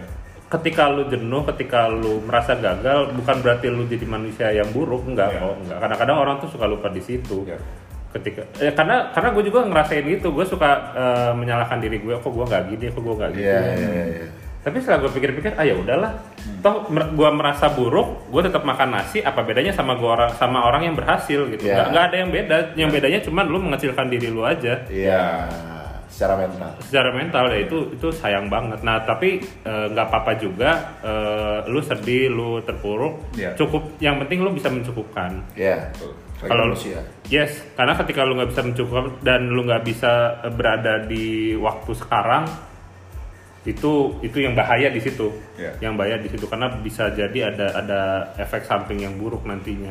Iya. Makanya gue suka, gue juga udah lama enggak sih. Tapi ketika gue meditasi itu Hmm. rasanya enak banget. Oh lo meditasi? Iya, gue gue belajar meditasi sih. Itu itu rasanya gimana ya? Kayak jadi meditasi. Ah, ini ini juga banyak yang mis banyak yang miss nih orang-orang banyak yang mikir lu pas meditasi itu harus mengosongkan pikiran. Hmm. Gue coba cari tahu apakah itu benar atau enggak. Iya. Dari beberapa health counselor, dia bilang kalau lu meditasi dan lu eh, memikirkan ini itu nggak apa-apa, nggak apa-apa kok. Yang penting lu ingat lagi karena kan lu meditasi biasanya gerakannya itu cuma merem sambil duduk sambil tarik nafas. Iya. Nah, ketika lu memikirkan sesuatu nggak apa-apa. Ketika lu udah inget lagi, oh iya gua, gua lagi meditasi, Hmm. eh, lu balikin ke inhale sama exhale itu udah cukup. Dan lu masih meditasi, bukan berarti lu jadi berfantasi yang liar gitu enggak. Oh. Enggak juga. Lu punya lu lagi mikirin apa jemuran udah diangkat Oh, iya, iya. itu nggak apa-apa juga oh, ya udah tenang aja ini masih siang kok tarik nafas lagi itu sama kalau gue ngelihatnya sama kayak ini gue dulu pernah nanya sama ustadz Hmm. kalau sholat yang khusyuk tuh kayak gimana sih Hmm. jawabannya simpel banget ya lu ingat lu lagi sholat Ah. sederhana itu Ah. bahkan karena ketika sholat pun gue ngerasa Iya, gue suka mikirin iya, hal iya, yang iya, lain iya, karena iya. karena kadang gue baca al-fatihah apa kayak udah auto text gitu kan Kadang-kadang lupa nih rokat berapa. nah itu dia Iya kan? itu dia nah gue biasanya sih eh, di dalam meditasi atau bahkan di dalam sholat gue gue inget oh ya gue lagi melakukan ini Hmm. ya udah gue selesaiin dulu awalnya gue juga kesulitan kok untuk meditasi itu Hmm. kayak satu menit pertama tuh rasanya aneh dua menit pertama rasanya aneh Gue gue nggak kebayang nih ya meditasi ini hal yang baru buat gue. Ah, ah. Dan lu udah ngelakuinnya berarti kan? Ah, ah, ah. Berapa lama tuh lu ngelakuin meditasi berarti? ya mungkin 2-3 bulan lah Dua, tiga tapi itu bulan. itu pun belah bentong sih Kayak yang awal mulai itu gimana? Kayak ya udah duduk aja. Mm-mm. Tadi kan lu meremain mata dan lu exhale, inhale. inhale exhale Itu terus berapa lama meditasi gitu? gitu di waktu atau lu taunya kapan Oke. udah beres meditasi gitu-gitu? kalau gue beruntungnya ini gue beruntungnya gue nemu uh, podcastnya Aji Santoso yang Ah. uh, namanya uh, latihan meditasi namanya aja udah latihan meditasi Hmm. Oke, jadi oke. bukan berarti lu udah expert atau apa jadi setiap hari setiap kali lu meditasi itu adalah latihan buat Oh. buat buat buat buat itu tuh nah eh, yang gue lakukan bahkan di di podcast jadi di- kita tuh kayak dibimbing ya tarik nafas buang nafas kalau kamu kepikiran ini nggak apa-apa tarik Hmm. nafas lagi apa Ya. segala macem bahkan gue meditasi pertama kali itu gue nggak nggak tutup mata Hmm. gue buka mata Hmm. karena gue ngerasanya kalau gue tutup mata pikiran gue ini jadi ke mana-mana gitu loh liar. Ah, ternyata dengan gue buka mata dan bahkan gue sambil tiduran Oh. dan beberapa kali gue juga ketiduran gue gue ngerasainnya oh ternyata uh, kurang enak jadinya hasilnya. Jadi gue enaknya ya gue sambil duduk sambil uh, tutup mata inhale exhale selesai. Mau berapa menitnya terserah mau lima menit. Bahkan lu baru kuat dua menit juga nggak apa-apa semenit juga nggak apa-apa. Itu kayak di TV-TV gitu kayak sila, tegak. idealnya gitu. Oh idealnya. idealnya gitu tapi nggak harus gitu. Hmm. bahkan sesederhana kalau lu lagi nervous di di dalam momen lu harus presentasi atau atau harus apa sesederhana lu narik nafas dan buang nafas tiga kali Hmm. itu udah cukup itu udah meditasi dalam Oh. tiga tarikan nafas Oh. Nah, manfaatnya meditasi itu apa? kalau buat gue ya Ya. Oh, buat orang pasti beda. iya iya tapi kalau buat gue gue ngerasa pas ada masalah itu gue jadi lebih tenang Hmm. karena gue tahu untuk catching up si eh, apa namanya ketenangan itu tuh gimana jadi misalnya nih eh, apa namanya gue diserempet motor sama orang Ya. Gue nggak nggak langsung emosi tapi gue kayak gue tarik nafas dulu baru gue ngomong jadi gue gue bisa bisa menenangkan diri gue dulu seb- sebelum akhirnya gue dealing sama si masalahnya bukan berarti gue jadi kabur dari masalahnya Iya, ya iya, iya. karena itu dua hal yang berbeda Oh. terus gue juga merasanya nggak tahu ya orang lihatnya gimana tapi gue ngerasa gue jadi lebih happy Hmm. gue lebih happy tanpa alasan apa pun gitu jadi gue Oke. mau ngadepin ini itu segala macam tuh gue bisa lebih happy gitu ya tapi itu pun gue nggak setiap saat. Dan itu efeknya lu rasain setelah berapa kali meditasi tuh? Atau setiap habis Hmm, meditasi lu udah mood lu jadi enak atau apa gitu? Kalau gue sih ngerasanya setiap kali gue habis meditasi, gue lebih tenang. Itu eh, yang gue rasain. Terus setelah berhari-hari itu, gue jadi bisa ngelihat bahwa ketika gue punya masalah itu bukan hal yang buruk, itu masalah gitu. Oh. Ya, itu itu itu masalah. Jadi gue bisa ngebedain masalah sama hal buruk tuh gue bisa ngebedain. Oke oke menarik menarik. Dan ketika gue berhasil pun, gue juga jadi nggak euforia gitu loh. Hmm. Jadi gue, Ya, ya, eh, ya. oke gue gue achieve nih, oke, alhamdulillah bagus, udah itu ngapain? Ya. Gitu. Ya, ya, ya, ngerti ngerti ngerti. Jadi bisa bisa lebih pragmatis lah itu ya, gua. ya, ya, ya. Oke. Yuk kita mulai podcast ini dengan meditasi. Satu dua tiga. Ya, lima menit kemudian, ya, lima menit eh, setelah ini bakal meditasi semua ya. Hmm. Oke menarik. itu itu dari dari meditasi ya akhirnya gue bisa apa ya? Gue bisa ngerasa nggak apa-apa lu lagi merasa sulit, Hmm. nggak apa-apa lu lagi. Maksudnya itu bukan hal yang membuat lu jadi manusia yang buruk baik lagi ya. Itu sih. Iya. Nah, karena dari situ ketika lu bisa tenang, lu lu jadi bisa ini, lu bisa menjadi melihat hal yang terjadi lu lihat kecil itu jadi luas banget. Hmm. sesederhana kayak kenapa sih anak kecil nangis terus kenapa sih eh, kalau misalnya ada eh, apa namanya kalau ada pengamen lu sebel kenapa sih jadi lu mencari tahu bukan lu ngeliat efeknya tapi lu ngeliat Iya, penyebabnya iya, iya, iya, iya. Tapi gue gue pernah baca gitu katanya kenapa meditasi itu kita fokus ke pernapasan sebenarnya secara ilmiah Mhm. itu tuh mengantarkan oksigen ke otak kita sehingga ABCDFG terus gue kurang detail sih Mhm. baca tapi intinya mengantarkan oksigen ke otak kita sehingga otak kita tuh bisa berfungsi dengan dengan lebih baik, ya. baik gitu loh bahasanya sama kurang lebih gitu. Kalau gue sih ngerasanya ini sih kayak eh, sepertinya ini hmm, menstabilkan tensi ini apa detak jantung kita kayaknya. Karena Ah, biasanya iya. kalau orang lagi nervous itu detak jantungnya cepet tuh. Iya, iya. Ah, orang bahkan orang lagi happy yang terlalu excited gitu Iya, itu iya, juga iya. detak jantungnya cepet. Nah dia biasanya nggak bisa kontrol keadaan. Bahkan dia nggak bisa kontrol dirinya sendiri. Iya, itu iya, yang iya. sulit. gitu itu itu itu juga gue pelajarin waktu gue masih latihan basket itu juga jadi ketika lu lagi uh, pressure lagi tinggi itu lu banyakin tarik nafas yang panjang karena lu pasti nggak akan Ya. nggak akan bisa tuh untuk mengontrol orang lain tapi at least lu bisa kontrol diri lu sendiri Ini kayak kayak dulu waktu zaman gua masih atlet juga kan kalau uh habis sprint ya ya terus kayak kos-kosan kan Iya, kos-kosan kayak pelan-pelan naik napas cepat. hmm. Terus langsung tuh bisa bisa maksudnya nggak langsung banget tapi jadi perlahan-lahan tuh jadi ngikutin stabil Bener. lagi gitu benar segala benar macam. benar Bener sih. Itu dan, dan itu eh, ketenangan itu ya apa mencoba untuk tenang itu jadi Iya. pondasi lu mau ngapain hari ini lu punya target Iya, apa jadi lu iya. lebih lebih rasional juga meskipun lu punya target yang jauh banget lu bisa tahu oh ini harus gua tempatin kapan Iya. karena kadang-kadang gue juga ngerasa gue punya target yang jauh gua tempatin hari ini Hmm. masih jauh bro Jadi, jadi kesannya tuh kayak Buru-buru banget. banget Mau ke mana ya. sih? Iya, iya, iya, iya. tapi tapi bener sih kalau kalau memikirin kayak target gitu ya maksudnya Hmm. bahkan gue sendiri aja gitu mikir kayak target yang gue ingin capai itu Hmm. sebenarnya itu masih jauh tapi seolah besok Iya, iya. sehingga itu me- me- memunculkan rasa yang kayak gue stres kayak gue siapin apa gue siapin apa tenang aja itu tuh target besar lu lu, Hmm. Bener. lu harus siapin target untuk besok tapi yang bu- buat menggapai target besarnya gitu loh istilahnya benar dan ini dan ini juga gue ada eh, pelajaran dari zaman gue SD dulu yang gue inget-inget sekarang ternyata oh ini bener nih yaitu adalah apa-apa tuh harus dicicil Ah. jangan jangan jangan lu ngelihat misalnya lu harus membaca buku yang tebel kan nggak mungkin langsung lu baca seret gitu ya, kan ya, ya. apa apa tuh harus dicicil nah kadang-kadang memang eh, lu bisa lu bisa ya eh, sukses dalam satu hal tapi yang paling penting ketika persiapan lu tuh bisa lu lu lu bisa punya kriteria sukses di persiapan lu Ah. jadi master of preparation tuh kayaknya jauh lebih bisa long term dibandingin lu berhasil di satu hal tapi ternyata itu cuma one hit wonder gitu loh Iya, iya. Ah. Kelihatannya ketua kelas yang baik seperti itu. gitu kayak kayak Mas Adit dulu yang sering nagih teman-teman sekelas tuh kayak yo cicil lo uang kas yo uang kas yo bukan saya yang nagih saya yang nyuruh eh bro lu bisa nih kayaknya lu jago deh Jadi ketika lu di posisi ini lu bisa kayak gini nanti. Heeh, ya ya gue banyak banyak jual omongan juga sih. Tapi ya kadang-kadang jual omongan juga perlu juga jadi jadi motivasi Iya. tersendiri buat si orang itu. Betul. Kayaknya udah aja kali ya. mau foto mau ada mau ada eh, project apa nih dalam waktu dekat? Project maksudnya? Hmm, lu, lu punya rencana apa sekarang mau foto? Ya, yang bisa di share ke teman-teman gitu. Oh, iya. Kita jualan lah sekarang kita Iya, jualan. boleh, boleh, Waktunya jualan. Eh, ya pokoknya yang pasti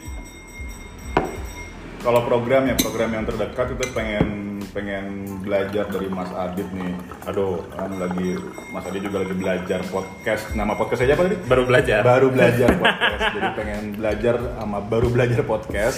Siap. Caranya gimana? Eh, kita juga pengen ya bikin hal yang serupa. Medianya nggak tahu apa, tapi yang jelas nama programnya mau ngobrol. Oh, Nah, ini oke. kan banyak yang nggak tahu ya mau foto tuh kenapa namanya mau foto. Mhm. Sebenarnya itu bahasa slang aja dari mau. Kalau kita kan ngomong cepet tuh pasti mau mau apa mau apa mau apa. Hmm, Jadi mau foto. Foto foto kalau pakai P ya Sunda. Hmm. Bukannya bermaksud rasis atau apa tapi ya jadi meng lebih lokal aja sih Ya, sebenarnya. kayaknya itu lebih lebih familiar lah ya. Lebih familiar aja. nah itu juga di Bandung biasanya Yes. Dan biar tagline-nya juga gampang, mau foto apa, mau foto fashion, mau foto makanan dan lain-lainnya. Nah, dari kata mau ini ternyata bisa diulik-ulik banget. Ya bisa ke mana-mana ya. Ke mana-mana yaudah kita mau bikin satu program mau ngobrol. Nah mau ngobrol mau ngobrol tuh ngapain sebenarnya kan? Ya. Sebenarnya kayak gini kita ngobrol aja. Hmm. Apa namanya tanpa skrip. Eh, emang ada satu misalnya lawan bicaranya emang lagi pengen Diajak ngobrol. pengen ada isu apa yang pengen dibahas bareng-bareng Ya. dan bukan berarti saling menggurui tapi lebih saling Berdiskusi lah. berdiskusi dan saling apa umpan lambung pengalaman Hmm, hmm, hmm. misalnya dia punya apa, apa lagi ngalami masalah isu ini dan salah satu dari yang yang kita lagi dikumpul itu misalnya ada yang relate Ya, pengalamannya ya, langsung ya. sharing oh tapi gue juga pernah ngalamin tuh Yes. Ya. dan waktu itu gue tuh kayak gini Hmm, nah saran gue nah kayak gitu Benar. jadi emang ngobrol jadi emang karena nah terus apa tujuannya sebenarnya dengan dengan ngobrol ini dengan mau ngobrol ini karena terkadang teman-teman yang baru mulai bisnis atau udah mulai bisnis dan mereka lagi down Hmm. mereka lagi merasa nggak semangat nggak ada motivasinya Hmm. itu terkadang dan ini pengalaman Ya. dari sekedar kita ngum- uh, ketemuan di kafe dan dia mencurahkan semuanya Ya, ya, ya, ya, dan ya. ada yang dengerin Iya. dan terus kita juga jadinya bisa ngasih feedback yang ayo semangat Hmm, bisa loh men karena gue juga dulu kayak gitu Hmm, hmm, hmm, hmm, hmm. dia juga jadi terbangun as simple as motivation Ya. aja sebenarnya dan itu bukan yang kayak ngajarin ilmu praktis sebenarnya Iya. Iya, as sih, bener in sih. ini aja apa Itu kan ilmu jalanan sebetulnya ilmu kan. jalanan ilmu jalanan dan belajar dari pengalaman dengerin orang aja Hmm. itu juga bisa belajar dia bisa bikin keputusan itu yang mungkin lebih tepat karena Hmm. denger yang itu walaupun belum tentu sesuai ya Ya, tapi ya, ya. at least dia udah mendengarkan hal yang sama hal yang serupa oh begini juga pernah dialamin ada relate nya juga oh dia bisa pas beres pas beres omongan itu entah ada apa namanya hormon endorfin atau oksitosin apa tapi dia langsung kayak Ya, Ya, I I'm can do ready. this. Iya. Ayo lagi. I can do this all day ya. Kayak Eh, Kapten kayak waktu kita deh, waktu kita ngobrol di cafe lu. Ah. Pas kita ngobrol-ngobrolin langsung kayak, gue jadi semangat lagi nih podcast. Hmm, Iya, iya, benar, benar. Hal simpel itu dari ngobrolan doang. Iya, iya, iya. Nah, itu mau ngobrol. Pengen kayak gitu. Karena dari mau ngobrol lu jadi tahu mau ngapain ya. Ya. Tos dulu. Yoi. Kita habis tos-tosan ini. Oke, berarti mau foto, foto sudah pasti. Ada langsung kontak aja mau foto apa eh, Instagramnya? Mau foto studio Mau foto studio disambung ya? disambung. Mau foto Di studio. Bisa juga lihat websitenya. Hmm. Mau fotostudio.com. Wih, mantap. Terus kita juga di TikTok. Kalau TikTok Asik. mau foto-foto. Mau foto-foto. Mau foto-foto. Mau Karena foto-foto. foto sudah diambil orang kan. Ini mau foto-foto. Mau foto-foto ya. Iya. Untuk Sama teman-teman nanti eh, mau ngobrol. mau ngobrol. Oke, Nanti tunggu aja teman-teman. kita tunggu. Oke. Oke, thank you Thank semuanya. you, Mas Thank you, Adit, Mas udah Yuda. Siap. Sama-sama, dengan semoga, senang berman- hati. semoga bermanfaat juga. Pastinya, pastinya. yang mendengar. Pastinya, pastinya, pastinya ini bakal jadi sesuatu yang berharga buat kita semua. Thank you Amin. Mas Yuda, thank you Mas Eca. iya, iya. Sukses Oke. selalu mau foto, mau ngobrol. Dan sunny side. Thank you, terima kasih. Oke teman-teman, sekian dulu. Eh, seperti biasa, kalaupun jelek ya nggak apa-apa, namanya juga baru belajar ya. Bye bye. Bye.